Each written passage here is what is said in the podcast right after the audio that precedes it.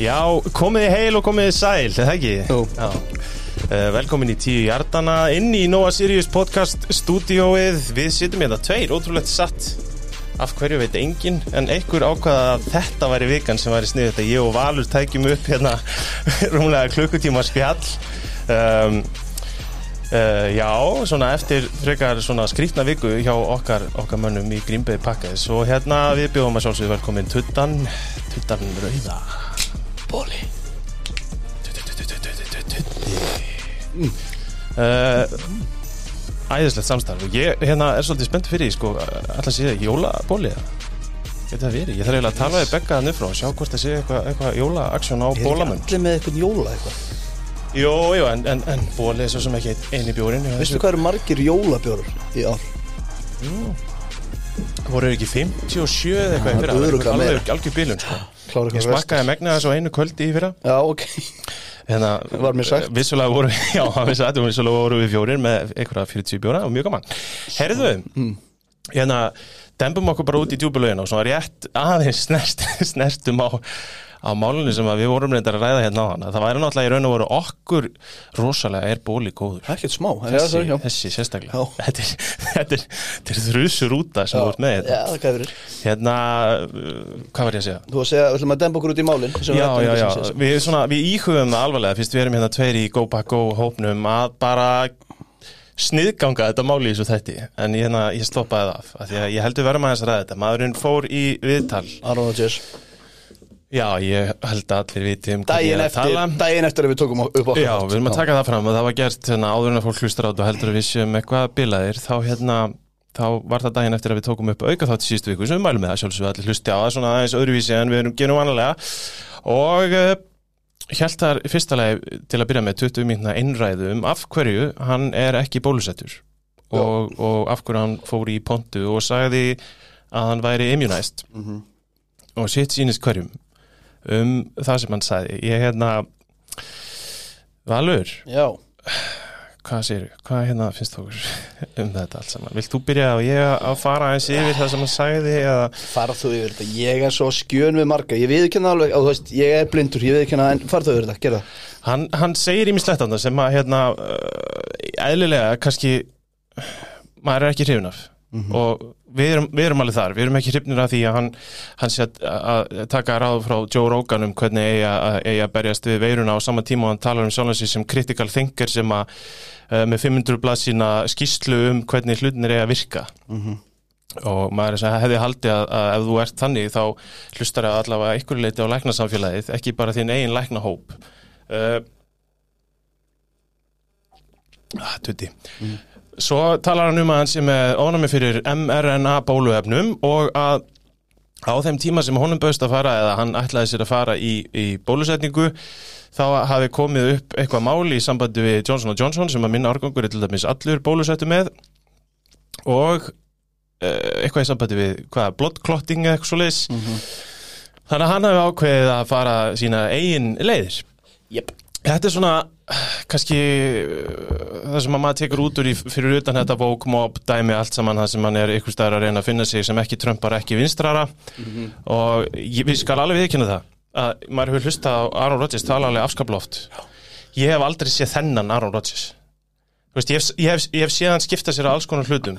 Og hann hefur oft verið svolítið miðjukall svona, hann hefur aldrei viljað mér hefur aldrei fundist hann vilja svona pólitísera sig einhvern veginn í aðra áttina eða átt að á já, eitthvað er að segja. hann er svona frekar nútral gæi í öllum viðtölum þó að hann hafi alveg gaman að því að flippa og segja einhverja skrýtna hlutu og eitthvað svo lýs þetta var, þetta er svolítið sérstætt viðtal. Og hann náttúrulega í fyrsta lagi þá er það var ekkert algengt að þú farir í þátt og þar sér þig bara gefið sviðið án þess að einhver svarið er eða spyrjið þig að einhverjum hlutum þú veist, hann kemst svolítið upp með það þarna. Já, já, já, hann veit það alveg þegar hann í þetta við Já, ég, meni, ég skil alveg af hvernig hann gera Ég meina, ef það verður að skjóta mann á Twitter bara út af ykkur sem að þér finnst náttúrulega vera ránt Ég meina, honum finnst hann ekki hafa gert þetta ránt og ef það verður að skjóta það á Twitter, Facebook, wherever bara. Já, bara í fréttum Já, bara í fréttum að þá vill hann svara fyrir sig. Og hann fer hann í Pat McAfee þáttinn og hendir í þetta. Og ég er engan veginn sammála því sem hann að segja. Og þetta er ekki á sann gali sem hann að segja en ég virði réttast til að segja veist, ég, ég, veist, það er það sem að sko, það eina sem að bögga mig í þessu og aftur, ég bara ég veit ég er á skjön við flesta. Það eina sem böggar mig í þessu er að fólk máli hafa skoðanir á öllum hlutum og má tjá skoðanir sinna á öllum hlutum. Ég skil ekki hverju að vera gaggrina það. Af hverju, af hverju hann má ekki segja eins og honum hvernig honum leið. Og það, þó að þessi gjössalega gali og við erum allir sammála um það það er engin sammála því. En hann, að mínum þetta var ekki að særa neitt hana hann var bara að segja hlutin eins og það eru frá hans sjónarhóðni mm -hmm. og, og þú veist það sem að eftirstendur er að hann er óbólusettur sem að fokkar upp pakkas ah, það er náttúrulega það sem kannski það, það er 20 í þessu, það er annars vegan auðvitað hefur hann áhrif á, á og maður sá það bara um helgina Já, við, erum ekki, við erum að fara yfir já. hérna á eftir Já, já. ef, að, ef að Aaron Rodgers hefur drullast þess að vera í bólusetningu og ekki fengið COVID og verið með í þessu leik þá hefði þeir stúta Chiefs um helgina Já. uh, það er bara svo En hann einfalt hefði það. hugsaðlega ekki náð þessum leik ef hann hefði, fengið- eða, veist, eh, hann hefði kannski ekki fengið COVID, ok, já Einmitt, sko. En ég með Adams mist á síðast og hann er bólusettur fekk hann COVID Já, hann fekk, Hann COVID, fékk hann fekk COVID sko. En já, já, það var Lazard sem að var óbólusettur Mm. og þurfti að sitja á spýtunni þannig bara og, og býða já, já. En aftur, þú mátt uh, klára þetta hi- hitt er svo náttúrulega bara að- að mæta í viðtal og segja þú veist það ímislegt sem að segja er bara factually rámt sko. Já, klálega, margt sem hann segir. Um, já, sem myndi segja flest sko, sérstaklega það sem hann er að, það sem hann er að undirstreika sínar ákvarðinir og Mhm. það er svo sem alveg það er svo sem alveg valið þó svo að mér finnst ég að vera svona svolítið að stíði drullu hérna því ég segja, já, já, vissulega þá hefur hann, mér finnst hann hafa rétt á því að gera það sem hann vill. En, en mér, veist, mér, ég, mér finnst hættulegt þegar að svona ofbúslega fræði leikmenn fara og segja bara tóma þvælu í, í svona þáttum, Já. svona vinsalum Já, þáttum ég er alveg saman á því, en ekki honum og ég virði svona rétt hans til að segja það sem hann vill. Já, Næ, ég, það, aftur, ég veit ég er blindur og svona og ég veit að þið er ekki samlega mér. Og við, hann spila vonandi í næstu viku. Ef hann, ef hann er heill á lögadaginn, þá spila hann á sundaginn Matli Fljóð sagði það ekki að er og þá getum við kannski aðeins stikla á þessi síðast skipti þegar að við erum held að, full ég, held hérna. já, ég held að það held að er það sé alveg ekki ráð fyrst, því að Matti er mjög sterkar skoðun Og Biggi. Matti, já, Matti samt svona sko kannski er bara svo rólegu maður. Hann er svo yfirvegar er bara mjög reyður það er gaman að Við erum, er að gott heimi hérna. Já, það vantar þessar tvær hlýðar á þetta mál. Annars vegar vantar mig mannin sem að talar með hausnum og hinn sem að sem að æsi sér bara yfir hlutunum. Eins og við, við, við, þannig að bæta hvernig annan upp hérna í þessu full. en svona í, í það sem að eftir stendur er að, er að hann telur sig hafa gert það sem hendaði honum. Já, og það er kannski hans helsti punktur sem hann ákvað samt að tala um í 43 mínútur eða eitthvað. Og vissulega er það hans réttur. Og mér langar bara að koma því að ef að fólk ætlar að tala um að vissulega er aukin hætt á því þegar þú ert á bólusettur að smita og að smitast. Já. og þá er oft sagt að hérna að menn þurfa að hafa ágjur af, af fjölskyldun sinni. En sem betur fyrir er hann ekki neinu samskiptu við fjölskyldun sína, hann er heima hjá sér að geta leir með konunni. Já, áfram pakkars, áfram gagg. Eða ekki bara? Jú, jú, bara eins og segja áfram gagg. Bara á NFL fór fram um helgina og eitthvað skrítnasta vika sem að ég hreinlega mann eftir. Já. og ég veit ekki hvað sem að taka fram, ég að horfa NFL í 20 ár. Er bara horfa þér 20 20 ár síðan Þetta var bara hérna Ég þurfti að hrista hausinn til að horfa á þetta ruggla á sín. Herru, við uppum okkur þó bara Ég var að taka aðeins á 50. leiknum á hundavaði vegna þess að þetta var Colts Jets. Já, og þetta var annar leikurinn hjá honum Kvíta já, Mike White. Já. Og hann mittist. Já, og inn á kom Josh Johnson og þá voru nú kannski uh, ekki margir sem að voru alveg með á hreinu hvað kemi næst hjá þeim. Af því að þeir voru nú ekki bara nýbúin að treyta til sín Joe Flacco. Jú, ég, jú, jú. Sem nósjóaði þennan leik algjörlega. Uh, það er svo sem er ekki mikið hérna til að taka á. Colts vinna góðan sigur. Colts vinna bara skildu sigur og góðan sigur þó að ég meina Jets voru náttúrulega nýbúin að vinna Bengals en hérna, uh, jú, bara vinnu skildu sigur ég skal bara viðkynna þetta, fyrsti leikurinn í ár sem ég sá ekki mínút af og hérna hafði ekkit svo mikið áhuga með fullir vinningu en ég langaði smá út af væt en ég bara, já, ég bara sopnaði snemma þetta kvöld. Hjá þér. Já, það var ábíla þess virði. Taka eina bæviku á 50. já, já, ég held það. Leikin En aftur, þetta var fýt sigur og Colts sem að hefði verið skrítið um þetta tapa þó að Jets að vinna það náður Mhm. kannski aðalega verðt að benda á bara að Jonathan Taylor er að því líku stígandi í þessu gæ. Þó svo hann sé að spila á móti Jets og ég að Jets að vera með svona þokkalega frambærilega vörn á góðum deg Já. 172 hjartar og 2 touchdown myndi ég segja að væri þrjusu fínt og Naheem Hines þar á eftir með 74 getur ég myndað þær Já, mitt til 250 hlaupa hjartar sko. þannig að Colts, ég meina Colts eru bara Colts eru bara Colts sko. Já, ég meina þeir fjóri fimm eftir nýjum fyrir og, og og maður getur ekki sagt neitt í NFL í dag hvort þú er sérst úr playoff-myndið ekki. Ég held að það muni líka koma svolítið ljós í þessum þætti að við erum örg bara, maður er svona svolítið hrættur við bara að, að gaspra sko. Já, þannig séð, eða samt ekki Það, er Nei, veist, að við, við ég eigum eftir að gaspra sko, Já, en, klárlega. en þú veist, liðin sem unnu ég er bara að horfa hérna fyrstu, næstu þrý leikir. Já. Giants unnu, Falcons unnu og Jaguars unnu hver hefði trúa því? Ég var að horfa, ég horfði á, á hérna Sunday Night Football í nótt sem við fyrir nú setna í. Og í háluleik þá voru Drew Brees, Tony Dungy og hérna ekki hérna Mike það skilur skilur máli Florio, hérna, ha, Nei, það skilur skilur máli. Og hérna, og þeir bara, hann bara kom með spurningu sem stjórnaði, hvaða lið í NFL er best? Og þeir gáttu ekki svaraði þeir bara gáttu ekki svaraði það er ekki hægt að benda á eitt lið sem er bara best. Það er ekki hægt að benda á hvaða lið eru öruggi play og sérstaklega AFC þetta er frábært dild en mjög skrítin Er ég samt ósangjarn að segja að mér finnst Tampa besta lið? Sko, við myndum segja að þeir hefði ekki átt síðustu hvað, tværum fyrir Þannig ég kaupi það alveg, þeir nefndu Cardinals sko. þeir, þú veist, Brís nefndi Cardinals. Og hérna, og svo spurðu henni ég þessi, ekki hugmynd. En hérna, ég er ég, ég, ég ta, við tölum um þetta síðast við veist eitthvað smá bifur á Tampa sem ég þekki ekki alveg akkurat núna í breyti eranu en við sjáum það eftir bævöku og, ég, og s- minn punktu með það kannski erum við að tala og snemma um þetta en minn punktu með það, að þegar það er ekkert til best og þetta snýst kannski um dagsform í playoffs, þá vinnur Tom Brady. Það, er, það var nákvæmlega eiginlega punkturum minn. Það er að þegar á hólminni komið Já. og ég sé Cardinals Tampa Já. Mhm. í, í úslitum í norðurinu þá treysti ég því bara bóls og þessi vörð bakið á ég, ég, ég kaupi það alveg sérstaklega með AJ Green og Hopkins og, Já, já. og svona já, ég meina, ég treysti bara AJ Green ekki eins mikið og ég elska þennan mann, ég bara, ég get ekki treyst honum. Nei, ég, og ég kaupi það alveg en, en við skulum sætt ekki tala ítlum Cardinals við fengum hótun í Twitter formi Já, við förum með Cardinals Já, já, já. þetta er ekki eina, snert, ein, eini snertiflöturinn á þeim Nei. að treystið okkur, ég vildi að Matti var í Já. Herriðu, byrjum bara það á sunnudeginum það er New York Giants uh, á móti Las Vegas Raiders 23-16 Já. fyrir Giants Já. ríkala, ríkala góður sigur hjá þeim. Uh, en samt, sko uh, tökum þetta svona. Já. hvað er Giants valur? Giants eru bara gritt í lið og ég er orðin svolítið skotin í Giants. Og við vorum að ræða í síðast eftir hvað þjálfur voru að heita sætun og Joe Judge var einn af þeim, þjálfur Giants Já. sem ég var ekki sammála og er ekki sammála. Mér finnst stígandi þeim og þeir eru bara með fínustu vörn. Þeir eru nefnilega bara með nokkuð hérna, flotta vörn og, og sóknin getur rúlað einhvern veginn og vantar alltaf kom Barclay sem ég veit ekki hvað við getum sagt lengur að því mér finnst bara alltaf vantan því miður. Það það. það, það er bara þannig. En ég myndi segja að fyrst og fremst væri svolítið gritt í vörn. Já. en það má ekki heldur gleyma að þeir mættu reytist á ansi erfiðum tíma í því fransessi Erfiðum tíma, ég kannski hérna, ég ætla nú bara að kíkja aðeins hérna á, á spjallu okkar, því að Matti senda okkur skilaboð sem ég ætla að opna hérna í beinni útsendingu, þetta er, þetta er flæðandi útvarp Já. síðasti mánuður hjá uh, Raiders, 8. oktober þá kemur fyrst í e-mailin frá Gruden 10. þá þjálfar hann það sem er tapamóti Chicago 29 11. fleiri e-mailar Gruden uh, hættir 2. november Henry Ruggs málið allt saman 7. november þar er Damon Arnett með byssur að hóta einhverjum einstaklingi og 8. november er sko setna first round picki frá 2020 Já.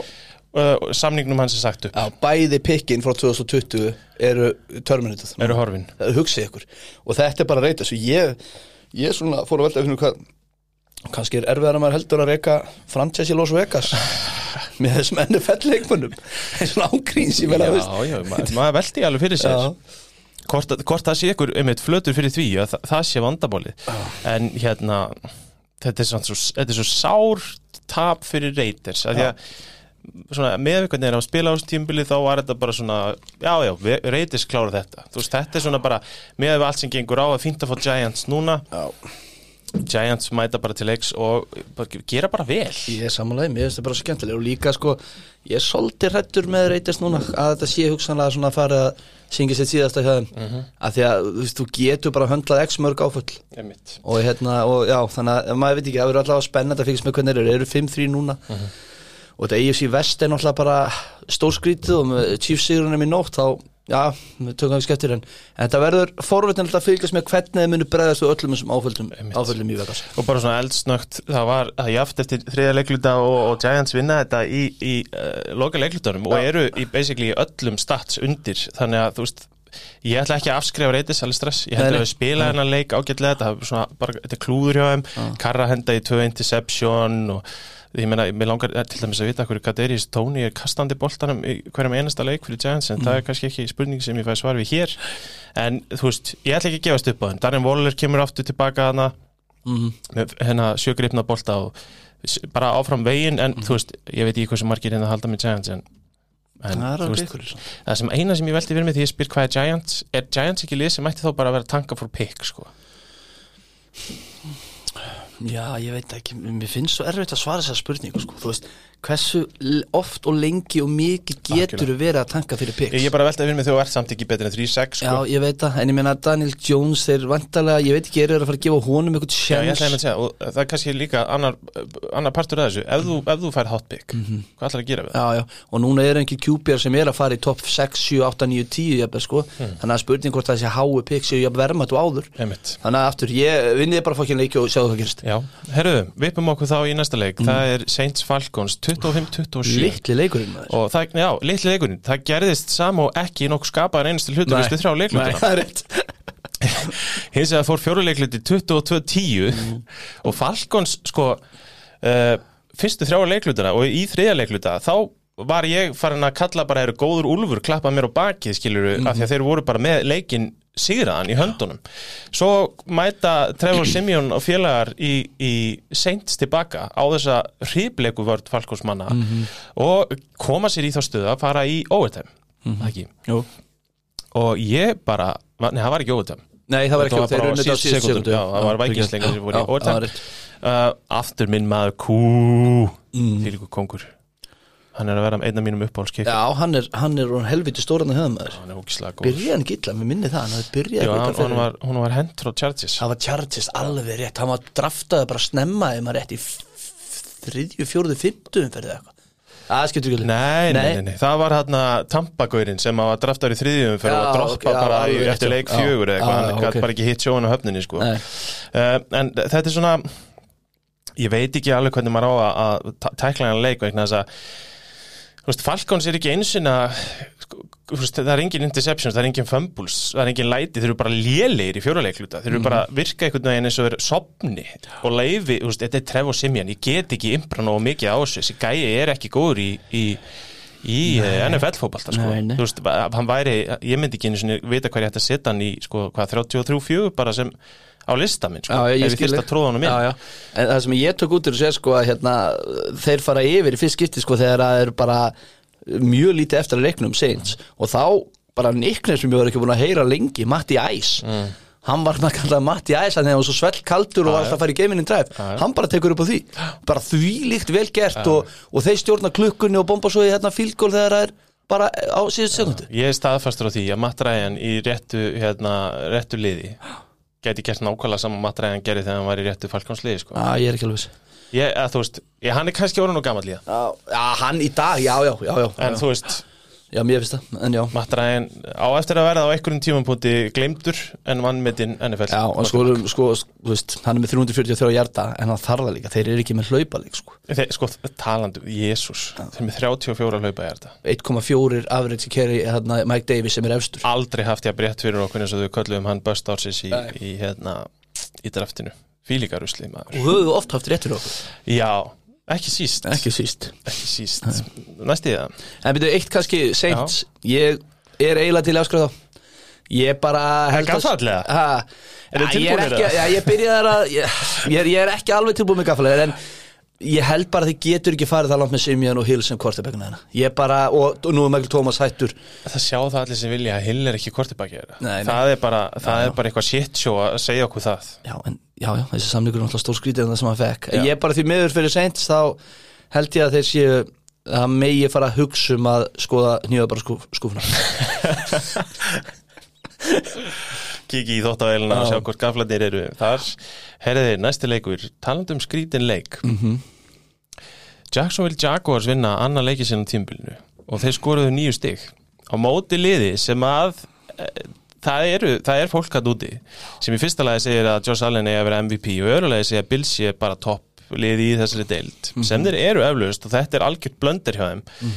En hvud minn almáttur þeir tapa á móti Jaguars og Urban fucking Meyer. Já, skora 6 stig á móti Jaguars.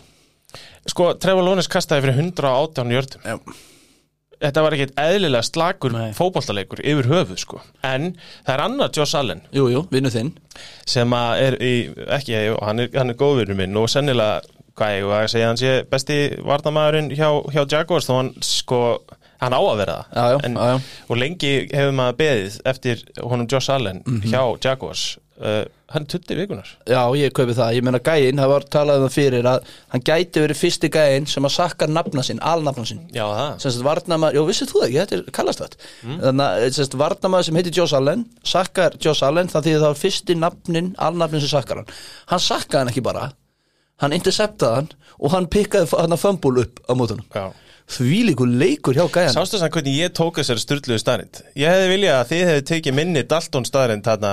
Hún var ræðileg Nei, Cooper og Cooper. ég er svo mikið ég, Cooper og Cooper er gott maður. Já, já, ég er svo gammal Dalton og Dalton, þið komið ekki einu sinni með það. Andy Dalton og Dalton Sæður ég er að gert já, nei, ég skil já, ég veit að, ég er bara einhvern veginn að mér er alveg saman spilið bara fokking henni það en hérna allavega, hann var geggjaður og, en ég veit ekki hvað maður á að taka mikið út í þessu hjá Bills Af því ég Ekkert. meina, eins og ekkert Nei. en þeir skora svona 6 stig á mútið Jaguars, Þetta- hvernig? ég, Það veit ég reyndar ekki sko. og með að að þú veist þeir eru samt með fullta jördum og, en þetta er náttúrulega bara tapaði boltar og þetta er bara lélegt ég sko tjúvill hefði mátt samt uh, gera þetta í einhverjum öðrum leikanum í Jaguars þú veist þetta er leikur sem mátt ekkert missa í sko þegar Patriots er í svona smá það er uppgangur þá er allt í henni uppgangur. komin í baróttu um sko Já, reyðilinn og þú vilt ekkit endilega að Bill Belichick fyrir aftan eða banka á þau sko. Nei, nákvæmlega. Það er alveg rétt, en, en þú vilt ekki tapa uh, þessum leik náttúrulega, frekar en öðrum en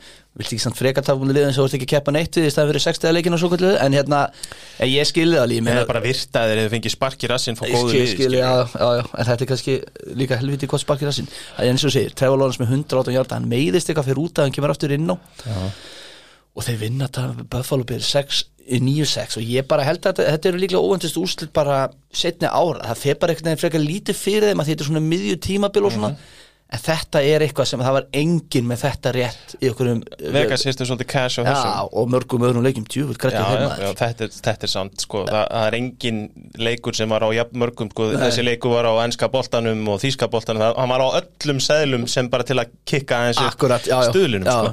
en það er eitt við Bills svona sem ég langar að ræða hérna bara, og eiginlega ekki ræða, mér langar bara að segja það það sem að, og kannski er þetta auðljóst og kannski er ég bara að bulla en það sem að mér finnst hættulegast og það sem ég held að gæti orðið um helsta falli er hlaupaleikun þeirra. Já, já, já, ég kaupi það. Hann er alvarlega slagur. Singletary og Moss eru bara ekki nóg finnst mér Nei. ekki nóg og góðir. Nei, veistu, ég saman og og ekki fyrsta skipti í vetur þá er Josh Allen þeirra hlaupa hæsti leikmaður. Akkurat. Og það er ekki gott ef þú ætlar að fara að vinna playoff leiki. Á móti vel þjálfuðum liðum eins og bara þú veist til dæmis Boltum og Ravens og, og fleira sko. Josh að- Allen er, er hlaupalega séð frábær viðbót við góðan hlaupaleik. Já. hann á ekki að halda honum uppi. Hann er ekki, Nei. hann er ekki Lama Jackson sko, eða Kyler Murray. Og það hefur bara sínt sig að þú vinnur ekki Super Bowl sem við erum að tala um Bills í með einhlega sóknleik Nei, það er ansi erfitt. Það er ekki, ekki á móti liðunum sem er í NFC allavega. Nei, það finnst mér ólíklegt. Á AFC, NFC þú fer, er fara í Þetta í Super Bowl. Super Bowl á móti. Þetta er að tala um að leiðin í Super Bowl. Þetta er ekki stöðturspól Nei, ég Erðu rísarnir í, í hérna í deildinni mættust síðan uh, í, í, í hvað heitir þetta hérna, Ohio, Rivals, Ohio. Rivals leik í Ohio. Cincinnati Bengals 16 uh, Cleveland Browns 41 og ég spyr því Valur er Bengals bladran sprungin? Stuttasværi er já. Mm. Já, ég meina þú veist, þú tapar, tapar fyrir Jets og fer svo að tapa með 25 stigum fyrir svona uh, maður að segja vængbrótnum eða ég veit ekki liðið sem er svona smá einhvern veginn, uh, ekki paniki en jú, við ætla bara að segja paniki. Takk til þess að tóleiki og ætla ég að koma með tóleiki fyrir. Þig. annars vegar Bengals Jets þess að þeir tapa í lógin Já, gjössanlega fáránlega. Já, Takk til svo uh, hérna þennan leik sem við vorum að tala um. Bengals? nei, nei, nei, nei, nei. Bills já, Jaguars. Já, uh, Bills Jaguars er spark í rassin Já. ég held að hitt hafi verið sjokk. Mm -hmm. veistu hvað ég á við, ég held að Bengals hafi fengið bara svona ok, ég heyrðu, við erum aftur þarna. Á meðan Bills mæta á næstu æfingu fá hárblásaran og taka næsta leik og gjössamlega trillast, sko, skora 500 stig og Já. bara 50 burger og læti sko. þeir koma með 6 stig á móti á móti, hérna, á móti Jaguars og svo bara stráka, þetta gerist ekki aftur Einmitt. við þurfum að gera þetta og þetta og þetta, já, ég, Einmitt. ég kaupi það og svo fá mæta Bengals í næsta leik eftir þetta, þetta skítatapum múti hérna, Jets Já. og fá bara Nick Chubb lestina bara 14 hlaupatilunir 137 hjarta, hann er með 9,8 hjarta Yep. meðaltal og 2 touchdown Yep. Þetta er ekki drauma matchupið eftir svona skítur. Sammála því og Mayfield var bara nokkuð solid, hann var með 280 og 2 touchdown var að, svona, og, jú, var bara góður. Mhm. og ég, ég veist, þetta er svo auðvelt að segja þetta sko, en ég geti trú að þetta Beckham dæmi hefði góð áhrif á að hann sé farin ég ætla að segja, Odell Beckham leysi Browns betri. Já, ég nefnilega, ég held það. Ég held bara, ég veit það ekki Ég held bara pressa, pressensið af honum þegar hann er ekki að fá boltan hefur það neikvæð áhrif að það hefur áhrif á jafnvel bara beikar og liðið Baker. og jafnvel beikar líka bara. Þannig að ég held að þeir gætu grætt á því að, að hann sé farin uh, Jú, og Browns, þeir eru 5-4 og þessi AFC Northriðil er orðin svolítið áhugaverður sérstaklega að Ravens hefði ekki unnið þarna en hann, hann gæti orðið áhugaverður því að það nertu með bæði eru 5-4 Cincinnati og, og hérna Browns og svo er hérna Pittsburgh að spila í kvöld. Já. þannig að hann er orðin mjög áhugaverður í sammála því. Og þetta Brownslið er alveg einhvern veginn til aðslíkut vörnina var loksins góð aftur, hún er búin að rosalega upp og niður í ár. Og þegar hún er on þá er hún drullu góð og loksins fær maður að sjá Denzel Ward nei, þetta er ekki Denzel Ward eða ekki Cornerin eða manna? Og veist, maður fær að sjá hann svolítið taka til sín. Ég, ég, gott interception Já, hann, hann, er bara, hann var bara mjög, var hann ekki pikkan með þrjú eða eitthvað, ég manna ekki alveg það ofalega, og, fjögur já, og hérna og, og náttúrulega svo er það öðru með Garrett og fleiri. Þannig að ég, þetta bránslið er svolítið koma núna, ég ætla ekki að segja aftanamann en maður er svona, ok, þið getið þetta Mhm. gerið þetta, en að því sögðu eins og nefnum með Bengals, þá bara hefur maður áhyggjur aðeim, ég, mér finnst leiðenda, þetta interception hjá Joe Burrow, mér finnst hann vera að gera meira og meira í svona, inn í svega krúsal stöðum, Mhm. það sem þú bara ert á sjöjartalínu, tíjartalínu, lítið eftir, þá finnst mér að svolítið vera að henda í pikk Þetta er líka svolítið skrítin leikur af því að þeir eru miklu meira með boltan Já. þeir eru,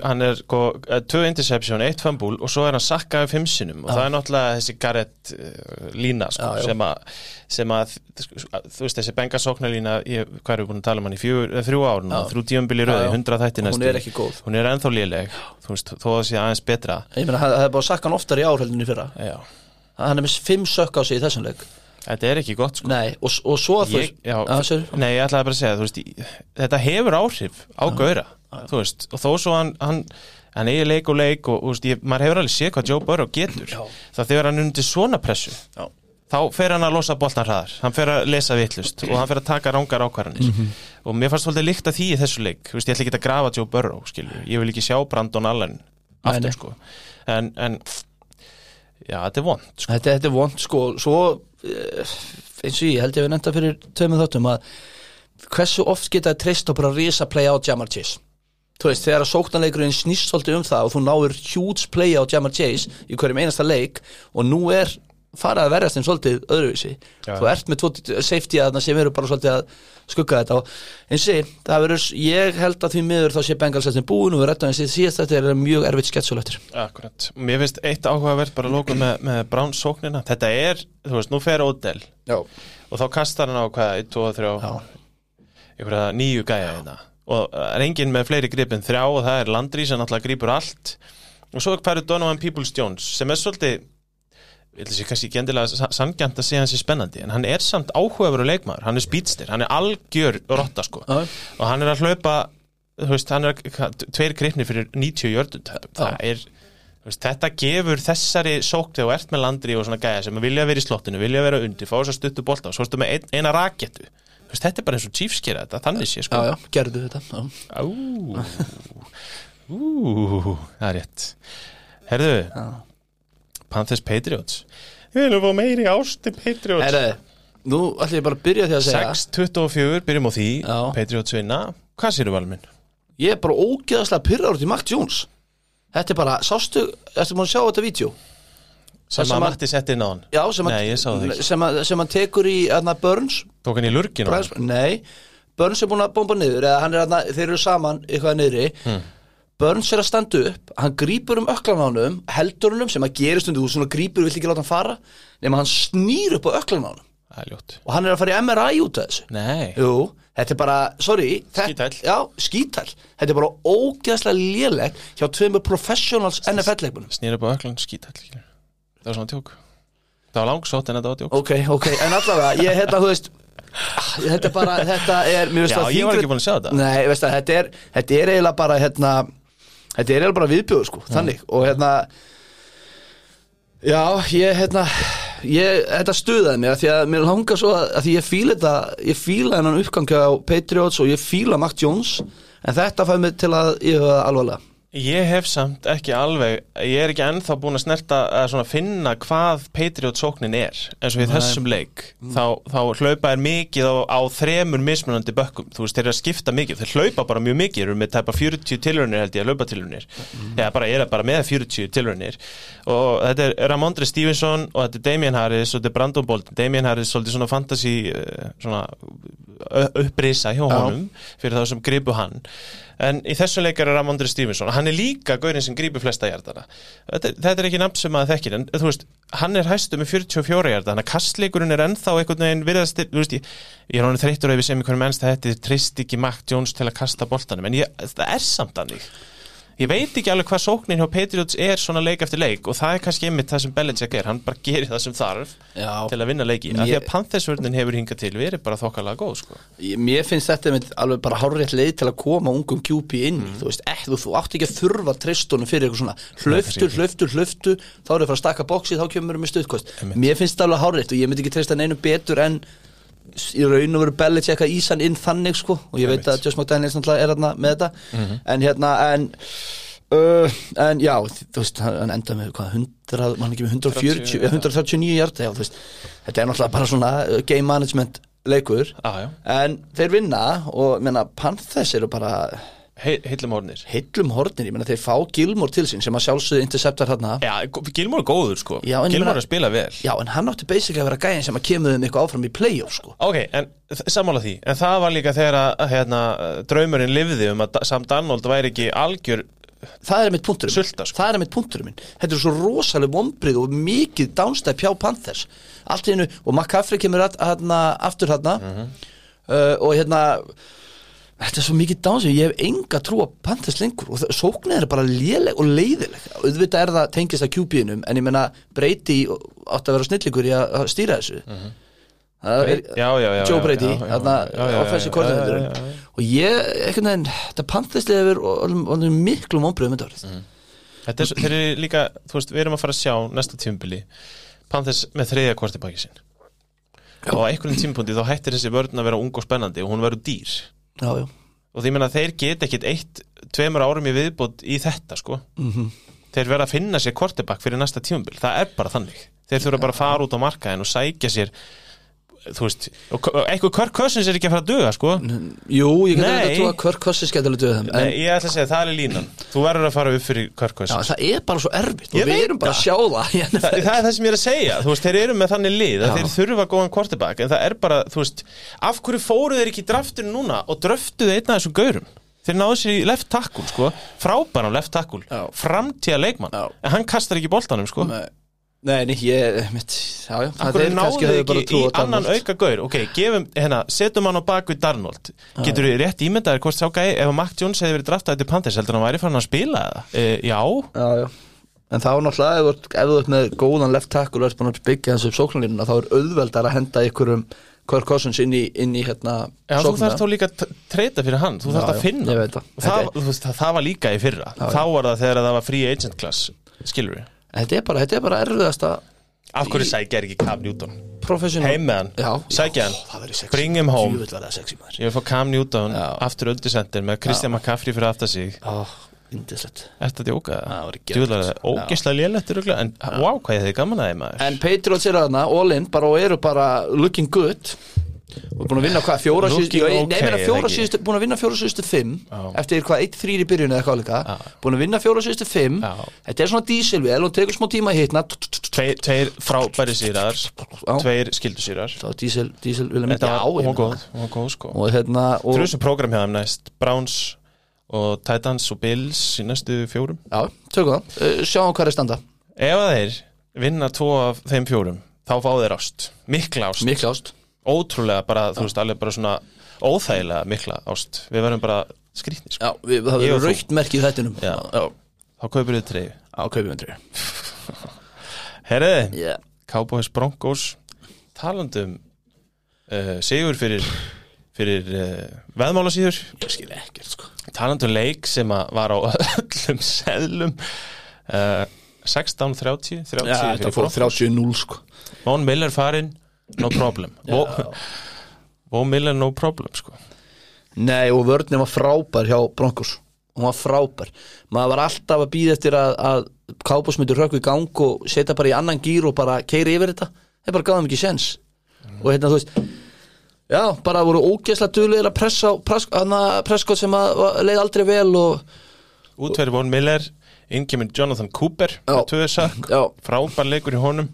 Já, og bara kannski sér maður líka sko uh, það er ekkert rosalega mikið spunni í Teddy Bridgewater en, en talandi um game managers. Já, já. og þegar að hérna, þú ert með ungan strák eins og Javonte Williams sem ég er ógislega hrifin af pældi í því.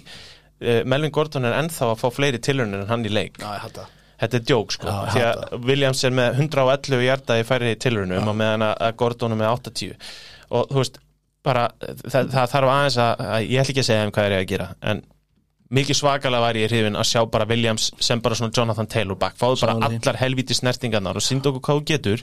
Að því að svo er þetta bara eins og Tim Patrick þetta er ekki frábær gæi, það er allir að droppa honum í fantasy en hann getur alveg helling. Og hann er samt vætri sífur á góðum degi en hann vætri sífur þrjú eða fjögur hjá þeim. Að því að þeir eru með Jerry Judy og þeir eru með Kurtland Sutton og alla þess að og Wabba Fuba Haba þarna sem ég man ekki hvernig maður á að orða uh, þetta er bara þú veist það er svo, ég held að þetta sé mikið mikið betra lið en þess að við höfum séð á þessu tímubili í þessari læð sem eru búin að vera. En því líku líka geggjaður sigur hjá þeim. Þetta, þetta er geggjaðu sigur og svolítið statement sigur að ykkur leiti, ég meina við erum bara að tala sóknir eru miklu betur en við sínt og þeir eru með Vic, Fangio sem þjálfara sem er bara eitt besti varnarþjálfara sem við verið setni ára. Já, já. þú veist þannig að hann ætti ekki ekki ég meina og sér það, Shaq Barrett var þriðji edge-rusher hjá þeim eftir Bradley Chubb og hérna, Von Miller, hann fer í Tampa og er bara búin að líka bestu síðan hann fór Akkurat. þannig að þeir kunni alveg að þjálfa þess að gæja upp.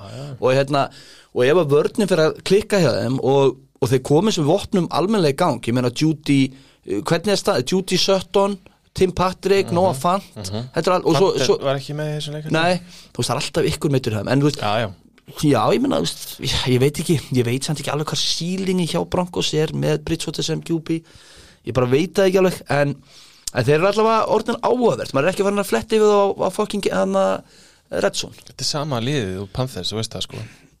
Sama Teddy liðið. hefði gert nákvæmlega hlutina með Panthers. Já, Teddy er bara betur en Darnold. Þeir bara tóku sjönsinn og er ennþá að borga Teddy sko. E, þeir eru samt með fleiri vopn en, en ég Panthers. veit að ég bara ég þól ekki þarna, hversu illa við farið fyrir okkar manni þarna hjá Panthers sko. við tölum og fallega um hann, ég er að segja það það var það sem um þetta fór. Bridgewater, nei, Darnold, Dar samt Darnold já, já, já, já, við, við prófum yfir okkur. Heldur að sjá okkur ekki hana já, ég veit ekki hvernig það getur svo sem fyrir þá Mm. Mm, ég vil ekki útiloka það. það getur eiginlega ekki verið honum að kenna. Já, þetta eru miklu fansjómen, það er rétt. En já, allavega, þá hérna nei, nei, ég meina, sko en, en Dallas, já, já, einmitt, með Dallas sko. Mhm. uh, varstu, ég veit þú ekki elskar ekki statsin, en time of possession í þessu leik Já. er hlægilegt þeir eru með 18 mínútur með boltan 19 tæpar. Dallas, uh, já, já, Broncos 42 mínútur tæpar. Frábært. Ótrúlega velgjert og það er einmitt það sem kannski við erum að horfa á það sem að vörnin hjá Denver held þeim bara alveg gjörsamlega niður og Prescott og þeir lendar með alltaf undir. allrændustu Cousins línu sem ég hef séð sko. 232 hjartar, 2 touchdown 1 interception í Lord Tablik á sko. móti Broncos. Og svo er annað í þessu og því að nú veit ég að þú ert mikil Mike McCarthy maður hérna, yfirlýstur, elskan af hverju er Prescott ennþá að spila í 30-0 í fjórðaleglunda getur þú sagt með það? Hann er, hann er að stíða upp með meðslum af því, Mike McCarthy. þetta er í alvöru tala þetta er, þú veist ég skil ekki af hverju kippurinn ekki brúið þessi leikur er búinn, bara áfram gakk næsta, næsta bara, mál. þetta, mér langar ekki að segja hrókin þetta er sem bara hróki, þetta er bara, hann er bara heldur í alvörinu öruglega á einhvern tímapunkti að það sé bara sjensa að koma tilbaka sko. hann er Já, náttúrulega bilaður þetta sko. er bara heimska, þú hendur Cooper aftur inn á hann stóð sér mjög vel síðast. Já, ég, ég meina þeir skora þó allir sér 16 stig sín hann í fjóralegluta já, ég meina til hvers, það veit ég ekkert um. Það er ekki ætla svona markatala gildið ekki vera, ekki vera að segja tala eins og ég að svara fyrir rolluna sem er að þjálfa þetta lið. Þetta er náttúrulega það sem heldur þeir mun aldrei vinna Super Bowl með þennan vitlising sem þjálfar það. þú veist, þeir eru með geggja lið. En þú veist, mm -hmm. skiptið setið sóknir þjálfar hann á se- bara einhver, einhver svona honorstöðu fyrir sögðin, þú veist, hann getur verið offensive coordinator. eftir eitt ár Nei, ég segja bara skiptu þeim, skilur Þú getur fengið blíjandi lánaðan hjá frendaðin sem var að þjála Giants. Nei, nei, ég meina en, Cowboys en, en ég veit ekki kom, komur að lesa mikið í þetta með Cowboys ég Þetta er bara mjög vondu sigur. Neða, vont tap, já. Já, Þetta er mjög vont tap, þeir eru NFC East þeir geta andarólega þeir voru, þú ég var samt með þá ég var alveg með þá sem bara number one seed í NFC sko, sem er ekkit útilokað því að ef að ykkur deild er overreaction Monday deild þá er það NFL, við veitum það alveg búin að fylgjast það lengi með þessu, Varstu með þá, hvað segir ég að hefði alveg getað séð það með number one seed í NFC Akkur ekki Það er, það er, það eru Mike McCarthy glirun sko. Já, Þú þarft að taka þau Nei, niður nei, menn þeir voru með fína vörn og með þessa sók. Við minn maður þetta En þeir með- Ræðilegur Já, já, en svo er þeir með Mike McCarthy sko. Já, já, alveg klálega, alveg klálega En ég meina þeir voru svona 6-1 og töpuðu tæft fyrir Tampa í fyrstu umferð. Gengur um með fjarsinir gliru, þú ert ekki fjarsinn sko. Nei, nei, ég er á þó með hérna, nei, nei, En aftur, ég, ég veit hvað maður að lesa mikið Það verður spennandi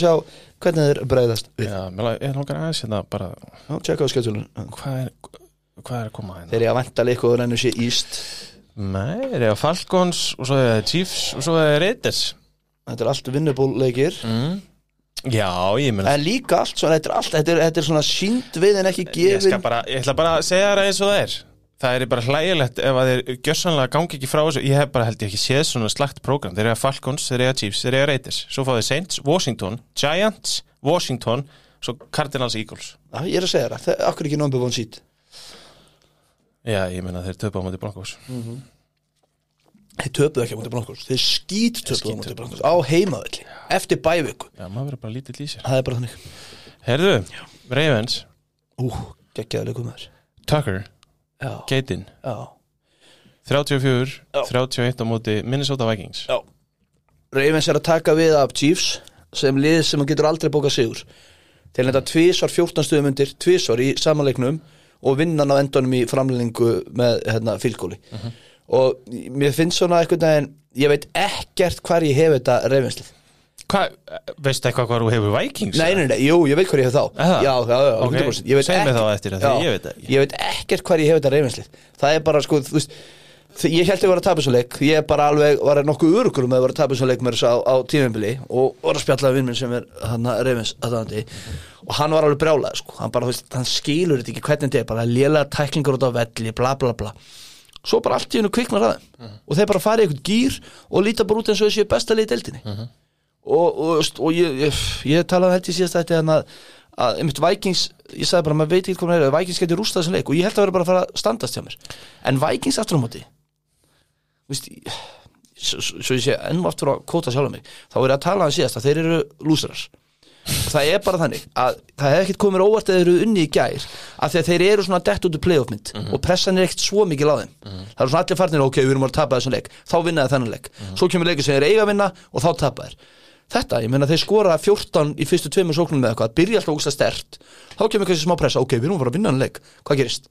Það er bara kóðuna niður og með þessi sóknuvopn Dalvin Cook var ekkit sérstakur í leiknum. Nei, hann var ekki góð Nei, átti eitt stórt klaup og svo bara ekki ekkur Já. með þessi sóknar um, og vissulega vantar Daniel Hunter og þeir eru með Íslum Harrison Smith meitast eitthvað fyrir.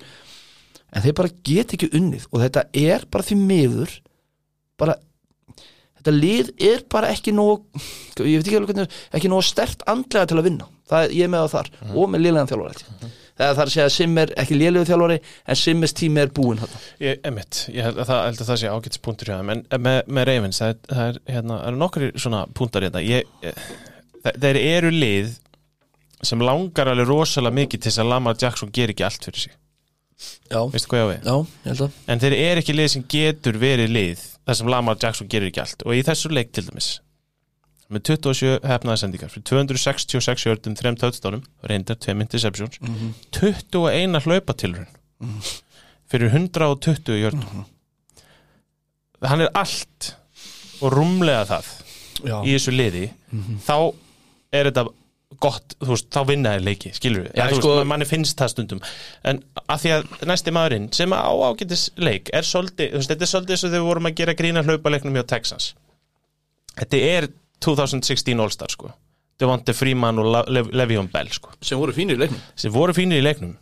En þetta er rosalega skrítið. Og svo er annað í þessu. Þú ert með gæja sem heitir Marquis Brown Já, sem að eh, nennir bara að vera góður í fjóra hverjum leik sko. og í þessum leik var hann frábær, hann var mjög góður í þessum leik og talandum hérna frábær sástu touchdown gripi hjá Duvarni Já, djöfull var það flott, þannig að þannig, wow, það var gegn þetta var ríkilega flott. En hérna í deild sem að vantar clear cut MVP þá er Lamar Jackson alveg hann er allt í Já, þessu lið já. þú veist, maður talar um Kyler og, og Allen og eitthvað svona sko. þú veist, þetta eru klikkaðar tölur Já. hjá gæjan sko. Og hann, þú veist, þessi interception sem hann kastast stundum, þú veist, hann er bara hann er bara í vesinni og hann er að reyna að tróða boltanum eitthvað sem hann á ekki deyrindi með að tróða Já, það var eitt í, eitt í gæðir sem Antonio Barr tekur hann í framlengingunni. Rosalegt, sko. En þú veist, þú, þú kemur hleypandi með hendurnar upp Já, og upp kastar bara á beint í og hendurnar, nærðanum bara á góðu positioni, field positioni. Hvað gerist á Vikings í framlengu? Fara 3 and out. Þú varst að koma þér í field goal line, sko. Fara 3 and out. Líka því að vörnin gerði, já, eins og þú segir, gerði hrikalega vel í Já, að koma já. sér inn í leikina sko. það er og, Cousins og það er pyrringur hann og Mike Zimmer er komin í verulega heitt sæti og það er bara virkilega pyrringur í, í hérna hjá Vikings. Vikings, það eru samast á Giants basically, þrjá sigra. Grey Óluf maður hefði haldið að það væri betra lið það. Já, og þeir eru að fara í svona frekar óumsvert Já, við, við rættum það með síðast eða ekki að þeir eru bara að fara í hörku prógram núna. Jú, ég menna, þú veist, þetta er ekkit að fara að vera eitthvað mikið glæsilegra. Reyndar er Chargers, er, þú veist, það er næsti leikur hjá þeim. Ég menna, talandu lið sem að er annarkvort eða? Já, jöklið þeirra, sko. Herðu, mm. Förum í einn sem að Guð mér góður, hvað ætlum að tala lítið um þennan leik. Dolphins 17, Texans 9 til Hamingju Birgir. Þetta var sigur, uh, Túa meittur spilaði ekki. Það er ekkert sem mig langar að taka Jó, ég gott að fram hann, í þessum leik. hann hittaði upp fyrir leik. Hann var meittir í putta Já, og var að kasta boltanum fyrir leik í uppbytun eins og það var ekkert að hann já, Já, bara, það- hann var bara slingunum til hægri og vinstri. Og ykkur twittaði í dag bara you have to convince me real hard that he wasn't benched sem er mjög skrítið en þetta var svona eina sem ég tók út úr sér annars veit ég ekkert um hann ok, ég skal, ég skal láta hafa mig út í þetta. Tvent sem mig langar að Við erum búin að öll búin að býða Jarlir Jardar þáttastjórnendur og aðdáendur eftir því að fá Tyrod Taylor aftur. Já. Úff. Já. Jésús, hvað þetta var liðlegt Fá hvað var ókislega liðlegur í þessu leikmaði Ha, Davis Mills, sko, þú veist ég fyrir ekki honum ímislegt, hann er rúki sko, og í ömurlegu liði Já. en Tyrod, Já, ég, ég, þú veist, það er enginn að byggja um að kasta lengra en bara þrjá hjarta sko. Var þrjú interception. Það er ótrúlega að við séum í viku nýju og þarna var, var þetta bara átt um hvort myndi fara upp í annan sigurinn sinn sko, við erum að tala um Miami Dolphins. Og eins og ykkur sagði að þetta var líklega besta vika einu svona sigurinn í þessari viku það voru Detroit Lions sem eru bara nokkuð ör, eða voru mun örugar í first seat á næsta ári í draftinu. Ég man, sko, man ekki stuttu svona bara eftir liði sem að það eru jafn margir leikmenn sem ég væri til í að sjá spila í betri liðum, Já, eins og hjá Miami. Texans. Já, Texans, já uh, veist, Philip Lindsay til dæmis. Meina, hann er er er ekkit kúkt sko, svo að Fríman er að spila sko, Lindsay var í fyrra hjá Denver, hann getur alveg verið að gera eitthvað hluti á sem getur eitthvað. Brandon Cooks, akkur er sótt enginn Brandon Ég- Cooks, þú veist hvaða djók er þetta, það er fullt af gæmanna sem getur verið að gera eitthvað í betri liðum en það verður náttúrulega eitthvað að spila þessa blessaleiki Númer tvö, sem ég ætla að Dolphinsvörnin í þessum leik, var bara ljómandi fín, þú veist. En þetta var Texas, við verðum að segja eitthvað sko. Ég veit, það. jú, hún var fín og, var fín. og þetta er sigur og ég meina, Mjög áhugavert, hérna fréttindar um Savin Howard. Hvað það?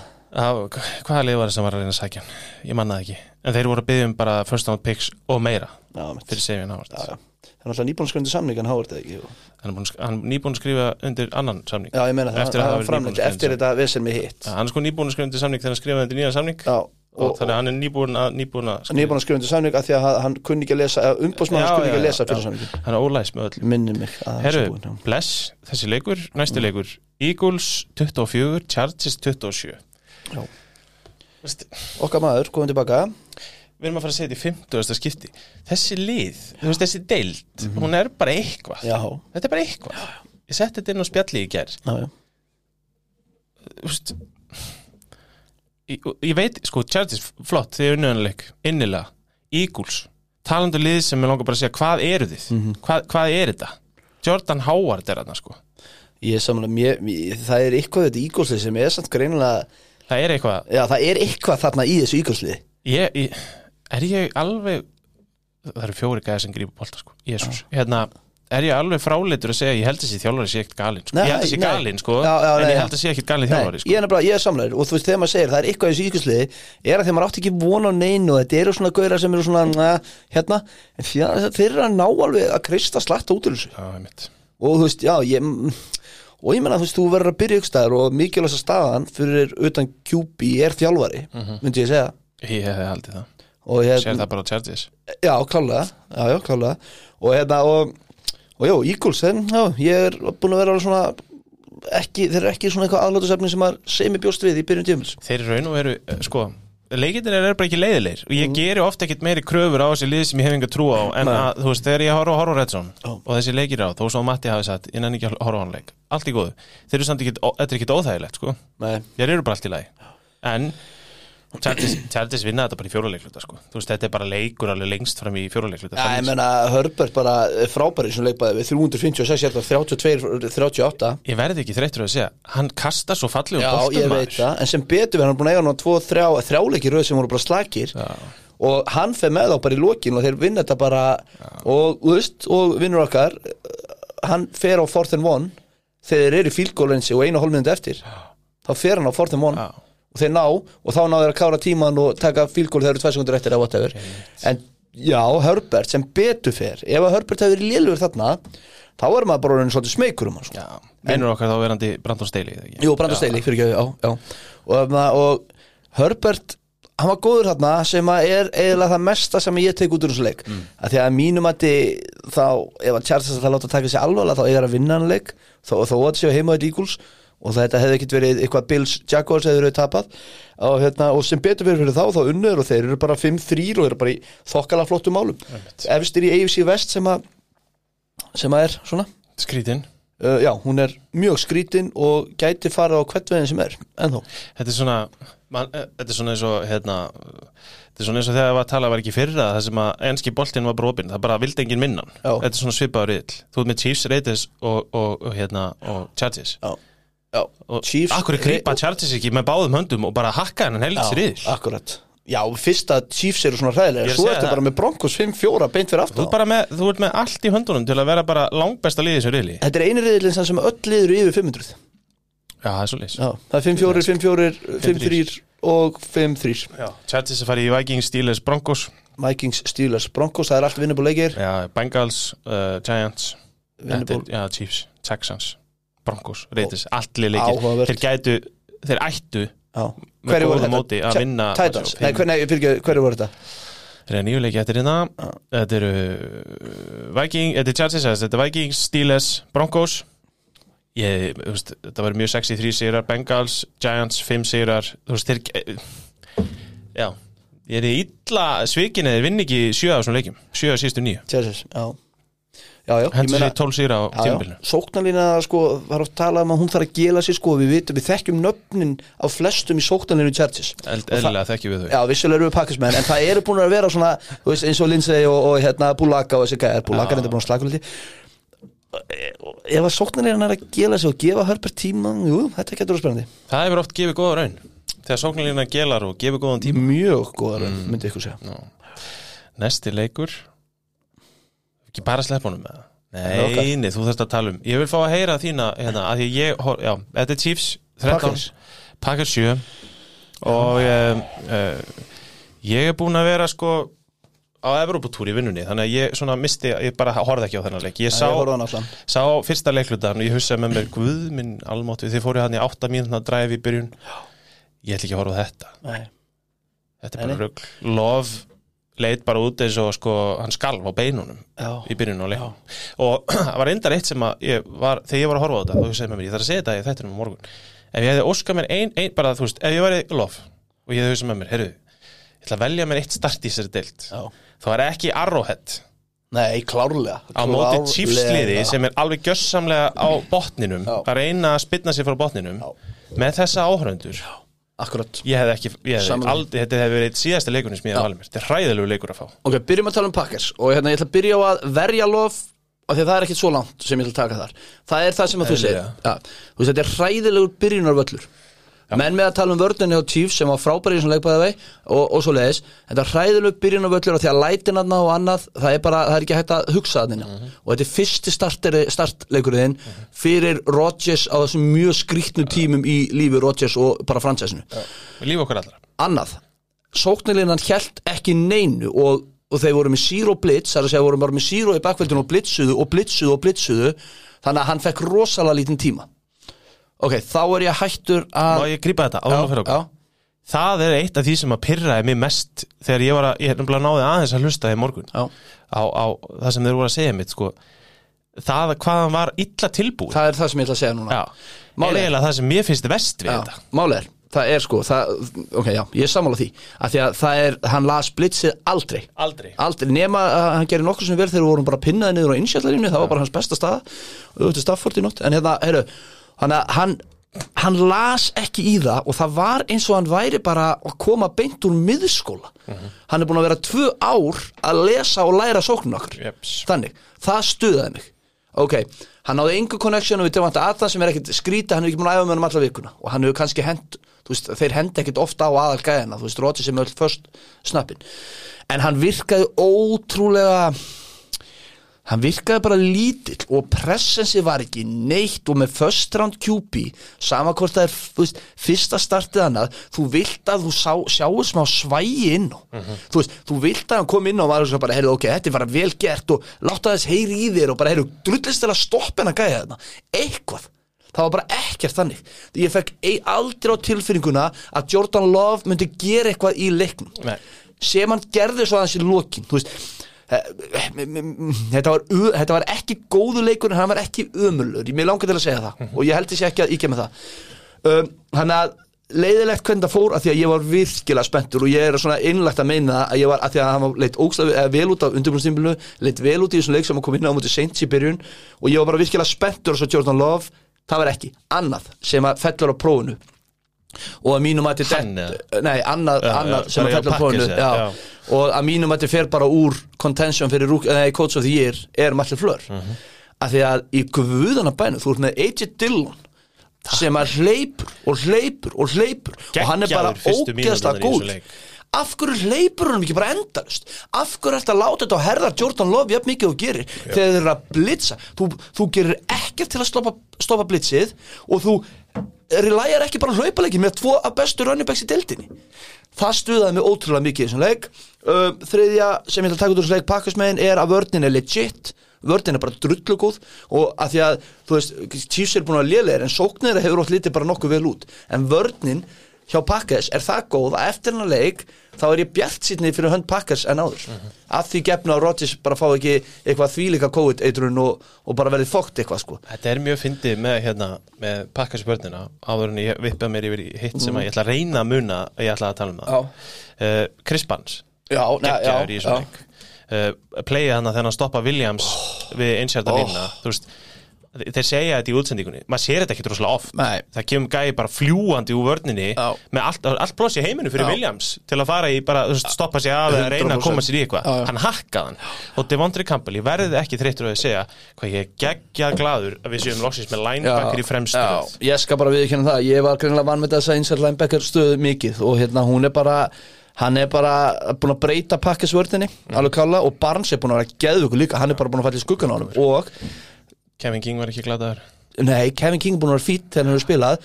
Erik Stokes miðist í uppbytun. Kenny Clark fyrir út af snemma í leiknum og missir af.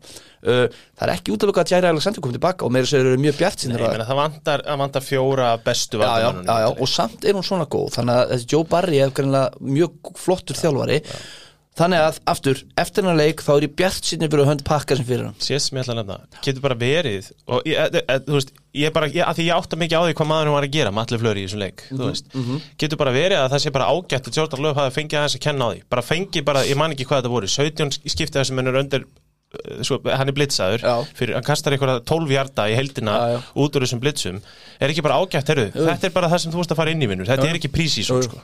og ég menna þú veist og Ég er ekkit vissum ég hefði vilja endilega hann hefði fengið bara þú veist, einhverja sex manna línu tætan sig einhverju megin og bara, þú veist, hlaupa, hlaupa, hlaupa, hlaupa, hlaupa, ég held að sé ágætt að Jordan Love fá að sjá, þú veist, ef að hann á að taka við á Rodgers bara á næsta tímabili punktur, já, já þá verður skil- hann að sjá hvernig þessi deild actually virkar, sko. Já, hann getur ekki spilað á móti bara þriðju línu hjá Ég, ég, ég skil hvað hann kemur en ég held bara sóknir á pakka sem næstu árum Já. verði hlaup, hlaup, hlaup en það er annar mál. Það er allir vona. En, en- en snerstu nú aðeins á hinnu liðinu. Ég ætla að stoppa þess að pakka sem Já. Því að ég, ég bara segi með fullir í rust Þetta lið hefði aldrei unnið leik ef að, eða, ef að antivaxirinn hefði verið hann inn á sko. ef að, ef að Aaron Rodgers hefði spilað hann leik ég hugsa að pakka sem myndi unni með svona 20 stum Já, en sko, svo er aftur á móti hitt sko sem að hérna, hvort að vörðin hafi reyna bara stíð upp og það vantaði Rodgers en það er alveg mál en að þetta er butterfly effect en ég held að ef Rodgers hefði spilað Chiefs eða aldrinuna því að Kansas City Chiefs að þetta er fyrsti leikurinn í vetur sem ég horfi á alla leiki með Chiefs eða kannski eru ykkur nætuleikur sem ég man ekki eftir.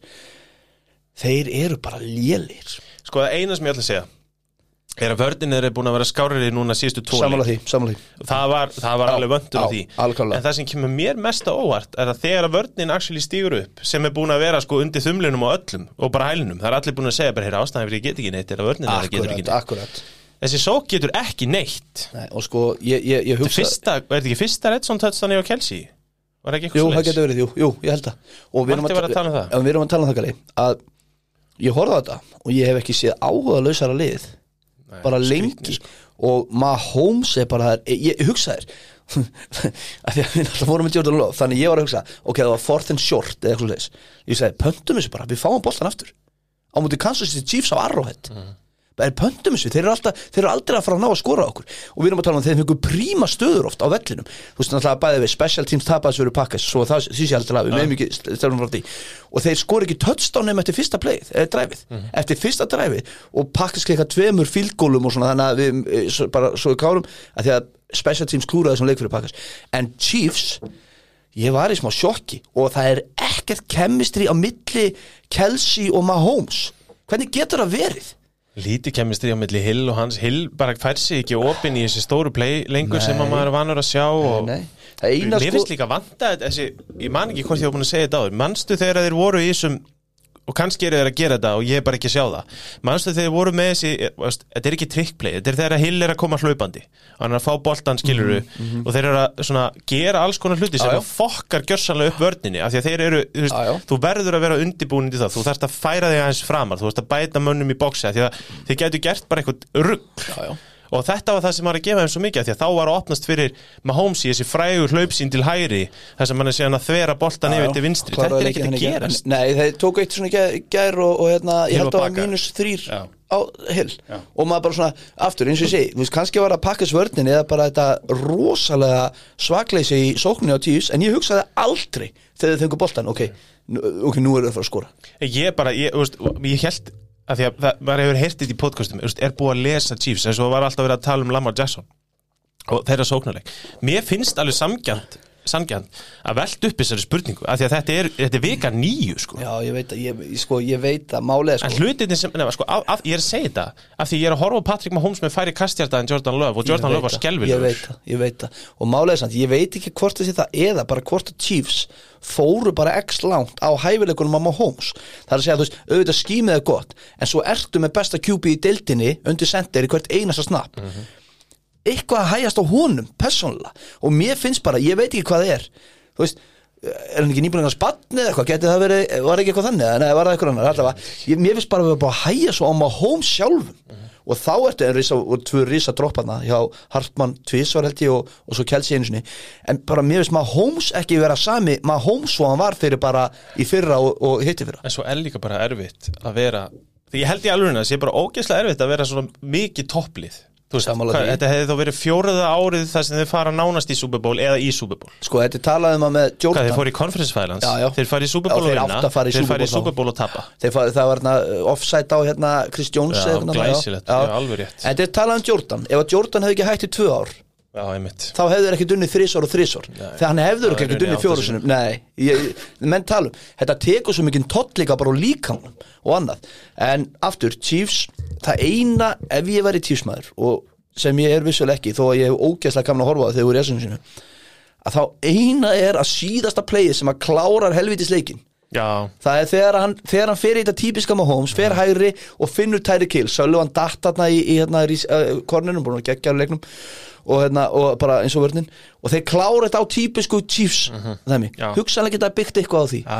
en svo er eitt að lokum og mér finnst það að skauta rosalundir í súbólvikunni fyrra og bæði súból hangover er bara real deal nema þetta Tom Brady. Í súbólvikunni fyrra þá lendir sonur hans Andy Reid í einhverju driving undir influence dæmi og ma- manst ekki eftir þessu, hvort hann drap nei, hann drap ekki ykkur en hann lendi allavega ykkur rosalegu slísjaðna sem var bara basically honum að kenna. Og ég veit ekki við náttúrulega ekki neitt í Super Bowl.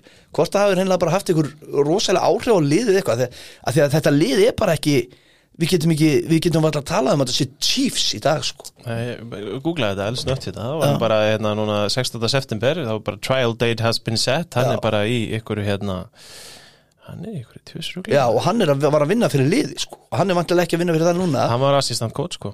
Já, hann var assistant coach, veist, aftur mér finnst að mér finnst bara lengið að hafa talað um þetta eitthvað að ráði. Já, já, fimm ára badd sem að verður illa fyrir já, já, þetta er ljóta vilsan. Já, og aftur, af því, af því að aftur, bara svo við klárum þetta kannski, að mojoið hjá Chiefs þar sem við vorum að tala um að bara þú ert 20 mundir í þriðalegur það og enginn hugsaði að leikurinn er búinn. Nei, við hefum svo sem ekki nefnt líka mann hérna sem að, ég meina Andi Rít býr ábyrð á, þessum sóknarleik. Já, en já. undir honum er gæði sem hefur verið einhvern veginn uh, ég get líka alveg velti fyrir mig hvort að það sé bara komið þreitt í hann.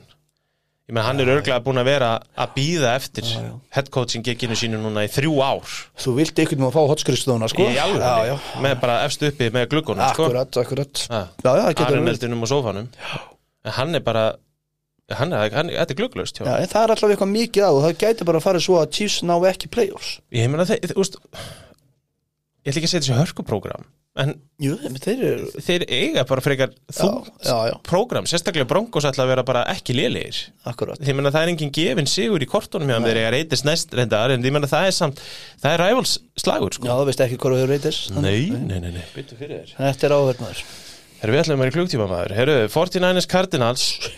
Ég var að velta í framkosti að þetta maður ringi matta Ég ætla að sleppa hún við, hann er að vinna kallinn maður. Hann er, Sko, 49ers er bara því miður orðið svo mikið einhvern veginn svona lið sem skiptir einhver máli en að fylgja dag. Við erum náttúrulega búinir að taka umræðan um, um Mac, uh, þjálfarann sko. Já, sjana hann Já, Max, Max hann já, já. Veist, og bara, við rættum það bara við matta hvað hann væri og annað, fólk getur farið tilbaka og hlusta. Ég nenni ekki að taka á því aftur því meina þetta er bara Jimmy Garoppolo, þú veist.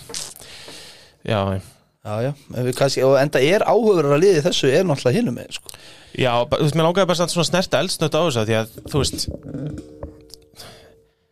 þú ferði inn í leikinn vitandi það að Hopkins er ekki með. Akkurat, Kyler er ekki með. Akkurat. Og vonin uh, svona uh, smá byrti til. Og Rönnibek ekki heldur hefðum hann að- Edmonds. Edmonds, hann er ekki heldur. Hann er meittur og er sennilega meittur í Og eitthvað tíma. defensive end líka, þetta, já, svo kemur það hana og þú lætur Colt McCoy taka þig. Sko Þú lætur Colt McCoy taka þig sko. Ég vissi ekki hver var backupin hjá, hjá Cardinals. Ekki að ég hef ekki hugmyndu heldur. En Þú lætur hann og James Conner taka þig. Bara, James Conner bara lúkar, sko. Ja, Ég ætla nú ekki að segja það. Ég, Af hverju segirðu það? Af því að ég er búin að ég er búin að langa að segja þetta svo lengi en hann, hann er búin að eiga svo rosalega marga 14 tilrunir fyrir 12 jördum og 3 touchdownum leiki þetta er svo búin að eiga svo hann er, skrítið hann er hérna sko. Já, já, hann er- 180 sko og þrjú töttan Ha? Hann er með 180 skrimmits og leik? touchdown í þessum leik. Já, já, skrimmits, já, Já, já, fyrir ekki, ég held að það var eitthvað trilltur hann með Nei, nei. 96 hlöðbært Já, svo 77, já. já. þetta, þetta er James Conner breakout leikunni sem við erum allir að býða eftir. Þetta kom það. Nei, ég meina, þú veist, að ég veit ekki. Ég, bara, ég var fyrir svo miklu vonbriðum að, þú, að þeir vinni ekki ennleik Ég bara verða að viðkynna það. Í samanlegar maður gerir, þú veist, að því að kröfunar á frisko, sko uh, við, við, við hérna erum búin að vara mjög rólegir í því að töðu við meðslum, sko. Mattias er búin að núna töðu við gerfigrassinu á MetLife, sko, þú veist, hann er búin að fá endalust plássirna til að töðu við meðslunum hjá San Francisco. Á einhverjum tímapunkti, nú er George Kittle komin tilbaka, Já, já. þetta getur ekki verið svona slæmt, Nei. að þú tapir á móti Cardinals með Colt McCoy og Ingar Hopkins. Það er ekki hægt, Nei, á heima, á heima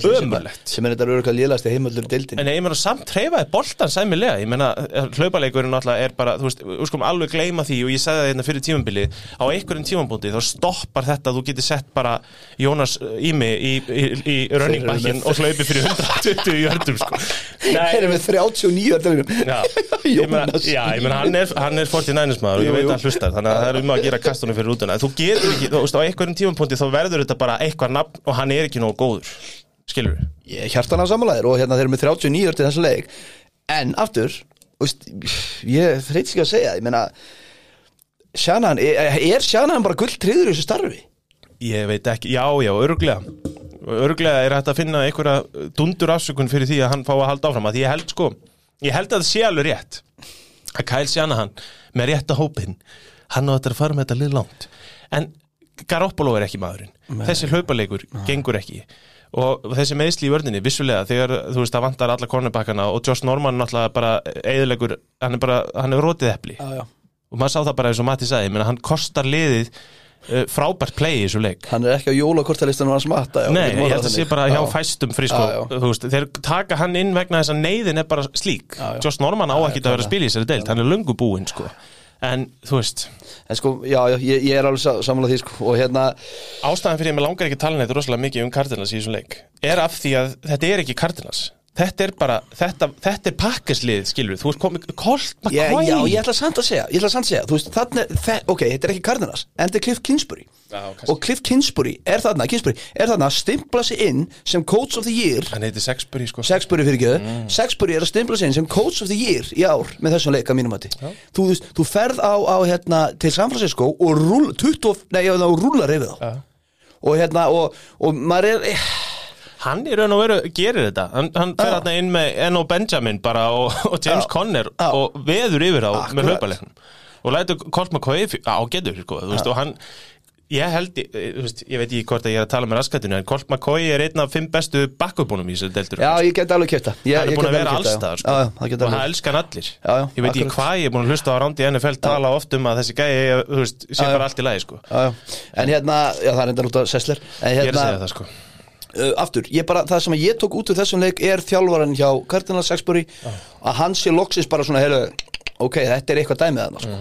Að því að það er bara staðarind að þegar þú ert með geggjaðan QB sem að þeir eru með í Kæle Murray já. þá fer svolítið aðtekjan af þjálfarun og, það- og það er bara fakt. Og hérna, þannig að aftur, þú veist, ég horfði á söndunat í nótt og þeir töluðu um það og það var bara hvaða liðið best einu sé og þá eina sem þeir gáttu sagt var Cardinals.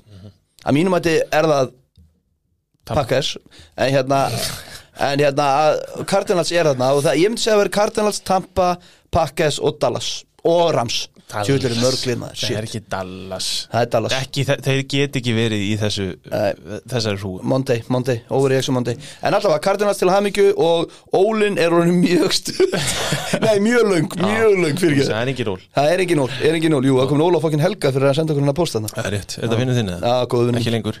Ekki lengur, ekki lengur Helgi minn. Herru, talandi um Sunday Night. Hann er flugmaður, það var- já, skilti ekki alltaf, fyrir þú, þú trublaðir hérna ekki Svissir Fyrir ekki Það er að syngja lægir um Sunday Night. Köttum þetta. Uh, Nei, hérna mm, 16.28 Henry lausir Titansmenn. Tjóðil alltaf, þetta var ógeðslega skemmtilega lögumæður Ég veit að þú hefur ýmislegt hérna að segja um, um mannin sem ég talaði um sem besta kostibakkin Já, já. Og Hann ég, skeit í deginum. Já, þetta er svo fyndið að þegar við erum í þessum þætti og maður er oft svona, sko, mér er við erum að búið til podcast og við erum að rökraða og við erum að segja okkar skoðun og oft er maður harður á sinni skoðun og ekki og svona og svo er maður alltaf svona, ah, tjóðil, ég var að halda þið fram í þessum þætti þetta verður svona. Og eftir fyrstu playin þá væri bara, já, ok, þetta er, hann er þarna MVP dæmi.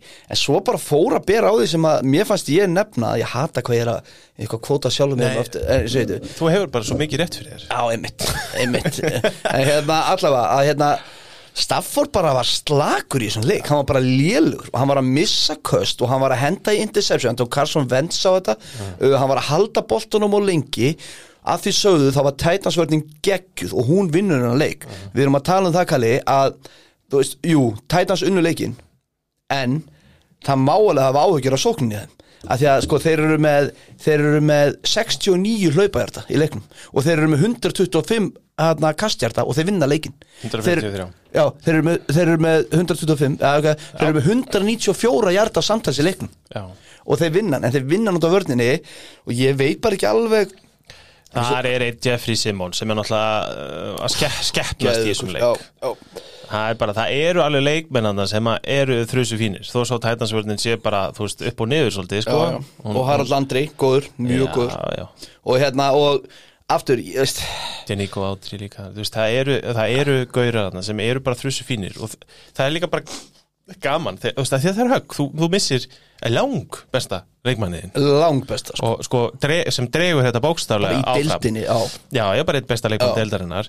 Þú sænar Adrian Peterson sem við erum ekki búin að snerta á sem ég held að sé alveg gjössanlega gagslaust. Það er, þú veist, við erum að horfa á Deontay Freeman og við erum að horfa á Le'Veon Bell og eitthvað. Þú ert komin ansi neðarlega í tunnuna þegar þú sækir Adrian Peterson. Frábær leikmaður, Hall of Famer, búinn Já, ég meina AJ Ég held ég frekast sótt görli bara eða eitthvað sko. Já, já, já, ég, ma- já, ég er samanlega, veist, ég meina hann er með 21 hjarta í 10 tilunum Hann, er, hann þarf flesta tilraunir sko. Ég veit það, þetta er ógislega skrítið, ógislega skrítið. Já, ég meina allir og ammur er að sóttu Jeremy McNichols og Weaver í, í fantasy sko. Já, já, já Hann er náttúrulega bara eitthvað third down back og á bara ekki nei.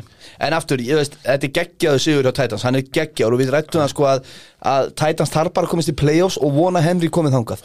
Þá eru þeir til alls líklegir Já, já. Veist, og þeir eru núna nummer eitt í AFC en í AFC deild sem við getum ekki sagt í eina sekundu hvernig endar. Á Já, akkurat, og þú veist, þeir eru nummer eitt Getið þetta ekki sko. Ég veit það.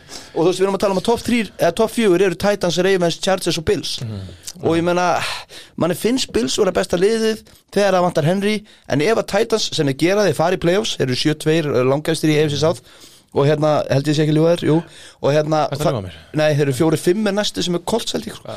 Heru, Þannig að þeir fara alltaf í playoffs og þá, og svo er það Jaguars og Texans sem glemur þessu. Og þá ef að Henry kemur tilbaka þá er það til alls líkið. Sérstaklega að vörnin fyrir að gera eitthvað. Akkurat. Þannig að geggjaðu sigur hjá þeim. Ég veit ekki með hérna með Rams. Það stuðaði mig svolítið hvað þið voru eitthvað ráðuleysir og svona. En eitt að lokum að Cooper Cup var með 95 hjarta ekkert hans bestileikur en hann er fyrsti leikmaður síðan Jerry eða annar leikur með sögunni eftir Jerry Rice sem er með 1000 pluss hjart og 10 töstan eða eitthvað eftir nýju leiki. Bara geðveikt sko Náttúrulega trilltur Því líka tímubili Og nú förum við yfir í að það sem að allir er að býða til Valvin, það er uh, bævikan Herðu, á bæviku eru Bears, Bengals, Texans og Giants og því fögnum við. Vá, þetta er bara, heyrðu, um, áhugavert. Þetta er bara með betri bævikum ég, allra tíma. ég er svo lúmskur bers aðdæðandi Já, það er náttúrulega þvæla. Ég held að- við ekkert liðið jafn gott að ég frá bæviku eins og Bengals. Já, saman því. Það er bara, bara til haps Bears á bæviku, það getur ekki verið Voru þeir að spila núna? Já, þeir, Nei, nei, þeir eru spilin nótt. Jú, þeir eru spila í nótt, já, já. Er stílis, já. Sko já. Já, Sko, það, það er Ekki alveg- þú hafa ágjörðu því. Nei, nei, nei. NFL með þetta eins og öll önnur mál Í teskið. Já, það fara engin tvær bæðugur í rauðir Nei. Herru, fimmtarsleikunin Já. Hann er ekki að verri gerðir í. Þú veist, fyrirfram er hann ekki að vera gerinni Ravens uh, Dolphins, Dolphins og heimaðalli Við séum allir Ravens Bæði við, talandi um vera ekki að vera gerinni Ég vil rósa stötu sport fyrir val á leikjum. Ég hef aldrei tekið Ravens Vikings í, Núna síðast. Ég hef alltaf tekið Bengals Browns. Gott sjónvarp.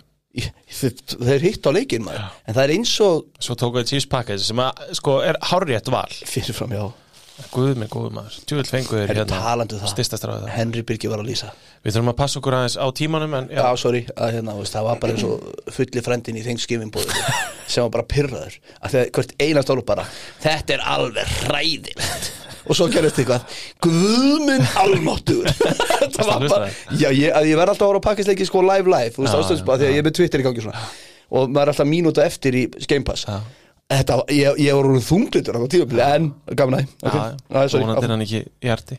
Uh, Jú, vonandi er hann hjarti. Já, ég vonaði, en ég held ekki en Nei, nefnirlega ekki. Það er eins og það er.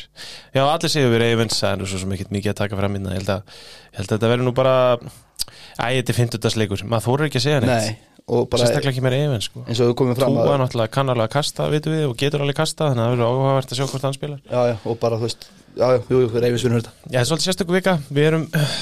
það Við erum, í uh, mikill í lagið í tippkefni Þó svo ég sé að sjálfsögðu ennþá Tróni ég hest Og Everest þar Því Hattar ég er ekki sjens Mm.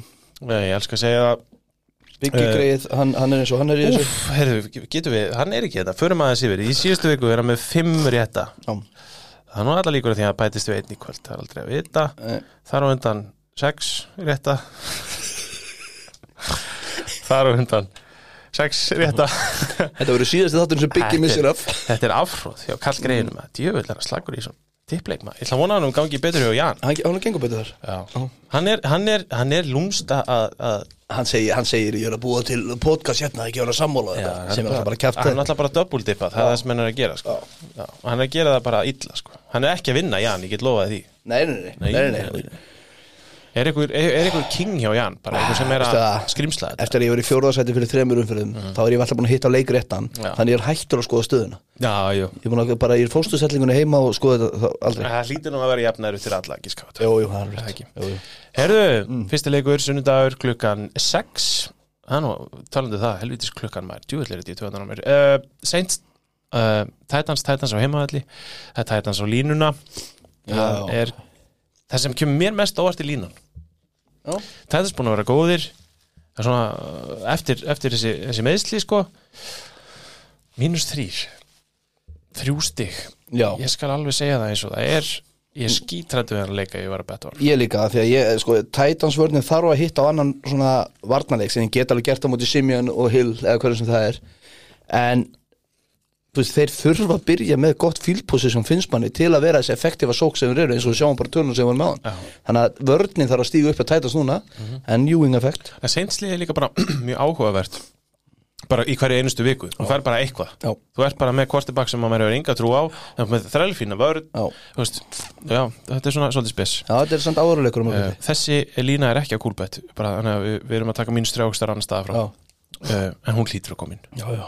Eins og allt annað uh, Jets heima, fá Bills í heimsókn það er Bills á línuna, 13 stig er ekki nóg, ég held að Bills eftir þetta kæftæði sem gekk á um helgina muni ekki sannlega, Jésús minn bara þú veist, Já, sko- það verður Wellington dæmi Og sko, Bills á Jets, Giants og Texans eða eitthvað liggur við. Já, og það var eitthvað sem, ég sá eitthvað tvít bara flest liðið frá bæ viku, Bills fær bæ mánuð. Mitt og ef, ef þetta er besti kompakleikur vinnið þetta bara handli, bara Já, já. rústið Ég, veist, ég hef enga trú á öðru. Nei, heldur, heldur. Þetta verður hræðilegt er Herru, Stílis heima fá uh, Lions. Lions að koma að bæviku. Alltaf gaman að að horfa á Lions menn spil, nei, djók Lions að bæviku samt er eitthvað sem að ég á ekki að vera hrættu en mikið svakalega væri ég eitthvað, finnst mér er óþægilegir. Lions, Football guy ég er bara stíla sér að fara Þetta eru nýskila bit, sko sér að rústa þessu. Eru að fara að býta í nýskilar. Já, þetta er að rústa þessu, stíla sér að rústa þessu. Sér að rústa þessu Stílis á línuna. Uh, Nýju hálfstig Það finnst mér nú Níu og hálft stig Sjáum hvernig stílis var í nótt, ég ætla ekki að segja neitt eða, veist, ég er búin að veðja á allt það, ég má ekki taka það tilbaka það er búin að setja einhverja ströngustu reglur sem að bara fyrir hafa sést tvöða skemmtilegt liðin sem ég fylgist með í ári eru Steelers og Bears. Þú ert náttúrulega lasin, ég veit að NFC North Bears og bara, Fields og svona og Steelers að ég veit ekki hvað ég hef þá og Roethlisberger kemur um alltaf í gegnum leiki þannig að ég ætla að vona að ég horfa ekki í nótt en ég gæti alveg hort í nótt. Þú átt svo bátt Ég veit það. Stílis og Bears Ég elska góðan varnalík nei, þetta er ekki einu svona það. Þetta Þetta er bara hvað gerist í sókninni frekar. Heyrðu þetta? Ha? Það kom Bigg í mér. Hann, hann, Ég er ansittin að bygga Já, þarna. Ég þarf að hlusta á þetta, þá ég skal geta dæmað á morgun. Takk. Uh, Þetta var líka. Uh, Washington Football Team heima. Fá Tampa Bay Buccaneers Þetta er stöðu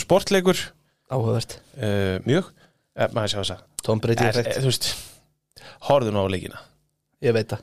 Þetta er Það er eh, Browns Patriots, þetta er ekki, þetta er ekki gott sleit maður. Nei, nei. Eitthvað varst að vel- velja. Já, já, og þetta er Brady effekt, það er bara Breyti, þannig, bara breyti, flott. Við viljum breyti í Já, já, og höfuborgin Hann er fallegur. Búið að, lappa upp á hann líka. Já, hann er mjög uh, fallið Bucks mínus 9,5 stig. Síst og mikið. Uh, Alltaf hrifin að því það er svona ógislega góð lið Mæta lélugum liðum og eru undir 10 stig Þá er Þá, er, þá færðu hérna Þá þegar ég á leiknum. Ætla menn sé eitthvað að horfa á playoff-leikin fyrra sem var tæpur? Það getur verið. Þetta fútboltím er algjört rugl sko. Þeir eru ekki næstu því eins og þeir voru í fyrra. Bara ég ekki, ekki sjensk sko. og Bucks þægilegu leikur fyrir það að fá núna Það er. Er þetta tvölið að bæviku? Já. Já, fútboltími líka bæði ykkur ég, ég veit samt ekki hvað þetta bæði skiptir ekki máli. Segðu Tampa Kanski, Bay jú, það í jú, fyrra kannski á Tampa, ok. Ha. Heldur það- sé ekki fínt að gefa 44 ára gamlu manni viku jú, jú, En það er samt, ég held að Matti hafa nefnt að bara scientifically sanna að bævika er ekkert að gefa ykkur auka odds á þetta. Nefn að þú veist 44 ára. Já, Eh, og með fótbolta heila sem að getur skoða allt. Patriots heima, Cleveland Browns. Mm Mhm. Loksins breytist eitthvað. Við erum allir með Bucks. Ég held að sé nú engin uh, hissa á því. Uh, Við splittum hana niður í í 50-50 Já, Ég og Birgir eins og svo oft áður Því miður er ég að festa hlekki mína við Birgir í leiknum Eða hann við mig, ég veit ekki. Uh, Við tökum Patriots og uh, Valur Matti taka Browns og það gerist í beinni útsendingu að ég hætti við og segi Browns. Já, já, já, Þetta gæti verið mistökjaður sko. það er þá bara eins og það er. Ég er ekkert að keppa þið bygga Nei, er, er þetta taktísbreyting? þetta er taktísk Já, breyting. Já, já, já og fyrir utan það að ég held að þetta sé alveg rétt. Ég held að Browns mínus Odell Beckham sé betra Brownslið en ég er ekkert endilega að segja Odell Beckham sé liðlegur Nei, alls ekki, alls ekki. Ég held að hann hendi þessu liði bara ekki Já. neitt. Og verður mjög fróðlegt að sjá hvað hann endar svo við ræðum það ekki. Ég held að þetta kom í morgun hvert hann færa veifir Það er Mjög en áhverð það hlýtur þá bara enginn að hafa kleimað mannin En veistu hvað er hann er alltaf með 8 miljónir á bakinu þannig að það er ekki, veist, það er ekki eins og seint sig að pakka sig getur sagt bara, herru, let's go. Ja, Þetta er samt doable fyrir flest lið. Þetta er ekki, þeir, gengur þannig frá hlutunum sko. ekki 8 miljónir í ár. Nei, ertu samt vissum að sé 8 miljonir ár? Já, alveg 7, komma eitthvað, ah, Ok, ok. Það sem fylgir honum sko. En veistu hvað staðan er á Karim Hunt? Uh, Nei, Nei, ok, next 3, oktober 18, ok. Uh, Ok, sorry með hann kemur á endanum blessaðu kallinn. Já. Patriots mínus 1,5 stig, favorites. Hann er illegible Akkur er Patriots favorites? að Þetta er á heimavill og það er búin að vinna fjóru síðustu fimm. Þetta er Belichick. Þetta er hérna Brownsli sem er búið að vera að ströggla Þó eru áttu góðanleik síðast. Ég kaupi það alveg Ég gæti trúið ég breytist aftur eftir. Uh, Colts heima á móti Jaguars þessi fyrir gluggi er alveg svona pumpkin picking gluggi maður. Uh, Colts áfram gakk. Colts áfram gakk, tíu stig. Tíu Jaguars unnu Bills. Já, og þú veist Það er, ég held að sé síðast sigurleikur er á tíma Það væri hægt að halda fram að það væri stígandi í Jaguars. Man bara, ég veit það uh, Robinson var ekki með um helgina við glemdum að taka það fram. Já, ég mitt Samt, já, já. ekki það þeir hafi unnið þetta á blúsandi sóknar Nei, Colts á línuna. Uh, Falcons uh, fara til uh, Dallas. Fá Já. þar Cowboys í smettið. Já, ég held nefnilega að núna þurfi Mike McCarthy að fara að þjálfa smá. Já, heldur.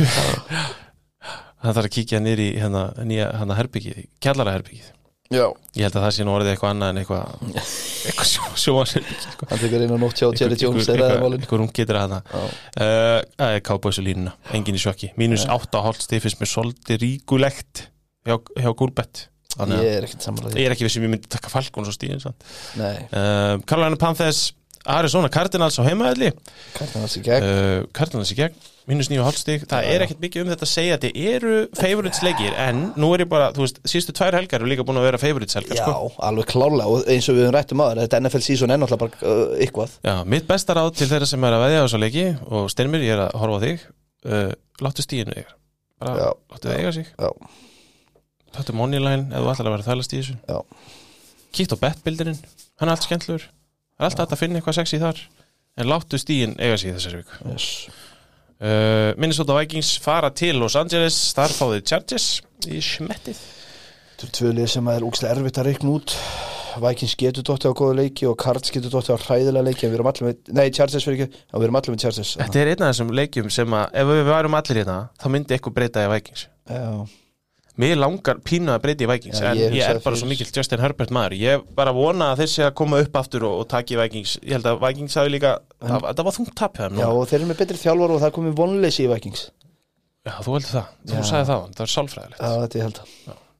Uh, og ég meina þú sér bara fyrir tíðinbil þá var uh, sem er bara raun yfir leikmenn sem voru ekki eitthvað. já, Þetta er Já, Sunnudagurinn, setni glukkin Tveir þrælskendlega leikir. Verður svolítið áhugaverður. Nú erum við þrý með Packers hérna, Packers á heimaðalli á Lambo fá Seahawks í heimsókn. Wilson komin aftur, to train í dag. Uh, Áhugavert. No more pin, time to win. Sagði það, Já, já, já. Mr. Unlimited. Mr. Unlimited, það við nendaði síðast þetta Gulpaði ekki yfir mig og sko. hérna og hann er 0-4 á Lambo sko. Og ég, Verandi 0-5 og ég ég reikna með Rodgers hann aftur og meiri segja ef Rodgers er ekki þá erum það mun þægilega nei, aðstæður. nei, nei, nei, nei, við töpum mútið með, með lof sko. Já, Ég að hlýta með að stjörnumerkja hann að leik. Ef lof spilar hann, þá er ég að fara Nei, Þetta er bara kjafta við máttum ekki breyta Rodgers síðast Ég sagði það við þig, þú mátt gera það sem þú vilt. Það er ekki ég sem sem ekki þú hafa ekki því. Nei, við höldum að góða pakkas Þú mátt ekki stjórnumarkin, ég banna það. Byggir einn með Seahawks. Og það væri þá í fyrsta sinn sem að Birgir fær stig á okkur og hún veitir kannski ekki Nei, Hann er eldast í toppi breytt þú í síjóks Erstu trilltur uh, uh, Næsti leikur. Broncos heima fá Eagles í heimsókn. Broncos og línuna. Og þetta var líka, já, ég glemt að segja línan á Packers Seahawks er Packers 3,5 og þeir vita ekkert hver er að fara að spila quarterback sko. Ef að Love spilar þetta hyrði helviti stíin takk í Seahawks og stíin hot tape ég held að Rodgers eigi að fara í Pat McAfee aftur á morgun á þriðið Guð minn góður Já, ég veit það. Verður þá aftur neða þáttur á Nei, miðvikudaginn ég vona bara dræja þessu úr þessu. Bara byðist afsökunar. Valur, ég er að fara að hitta hérna á miðvikudaginn, þú veist það. En nei, nei, anskotum ekki ekki Þetta er að fara að vera eitthvað hamfara, hamfara útvarp sko. sem var Twitter gæðin en hérna Twitter Nei, ég segi þessu Tryggja mínúna Það ræður á blaði sko, ég vona, ég vona að hann drægi úr þessu. Hann er að missa spons og svona sko. Æja, ok, Bronkosolínuna Broncos og línuna mútið Eagles. Já, Alltaf nógu að tala aðeins meir um það Eagles samt Þetta er líka svona, þetta er úlfa leikur sko. Það er líkt að þessum leik. Já. Það er Eagles sigur í kortónum Það er Eagles sigur, við erum að detti í mækarinn hérna sko. Er það? Já, ég meina Broncos gæti unnið Eagles gæti líka unnið, þeir eru búin en ég, þetta gæti ekki að fara í aðtegli Já, næsta leikur. Ég, ef að einhver tíman í aftefli Eagles Broncos maður. Ha, nei ég meina Denver eru bara á toppnum í riðlinu sínum. Af hverju ekki Broncos? Eru Denver á toppnum í ekki, riðlum? 5-3 Nei, ég veit ekki. Já, er ekki, já, jó, eru verið. Broncos? Ég manna ekki. Jú, þannig að þeir eru 5-4 5-4 Já, að, Þeir eru það helvítið óvalega allavega. Það er öll lið ekki- næstu yfir Já, 500 Jæja, þeir eru í barátunni Segð ekki mér. Uh, Sunday night. Ég ætla að finna þetta, sorry, ég bara Gera það meðan ég tala. Þeir eru Sunday neðstir í sinni með 5-4 Já, ljóta Raiders og Chargers eru 5-3 og svo Chiefs 5-4 Já, áfram. Þetta, það er allir í fyrsta seti Klálega. Allir sigur Það er allir taparar í Allir í síðast seti frekar. Já. Herðu, sunnudags kvöld klukkan 1.20 uh, Ælu bræði, þetta er orðið svo seint uh, Hvort við að kalla eftir því að þeir hætta að breyta klukkunni eða við breytum klukkunni? Ég segi að við breytum klukkunni? Jú, og bara, ég var bara til að breyta hérna svo undan þeim Þannig að við erum bara dætt í fjöguleiki og 11-20 Já, hvernig verður það? Já, ef við fyrir á þing. Hjartan er alltaf að bjóða þessi fram. Hjartan Bjóða okkur fram í kraganum. Já, eitthvað er lítið skjördæmi. Þannig við raukið eða? Herru, með einn mann á lista. Valur Gunnarsson. Valur Gunnarsson. Ísbjörni Go Paco Hérna Reytes og allt þeirra bullshit uh, fá Chiefs í heimsókn og ég er með Úlf.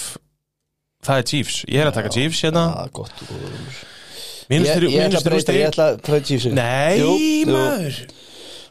Hvað ætlar að gera? Hvað ætlar að gera? Þetta er taktist í þeirra, ég veit Nei, þetta er af hverju? Já, veit. Ég vil frekar vinna þau stig. Já, þú veist að ég er að fara að vinna hann leik. Ég held bara að reytas sé of brotið.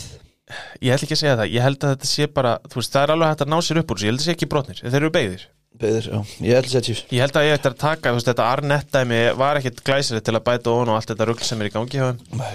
Sjáum hvernig það fer. Sunnudags kvöld, eða nætur, bolti.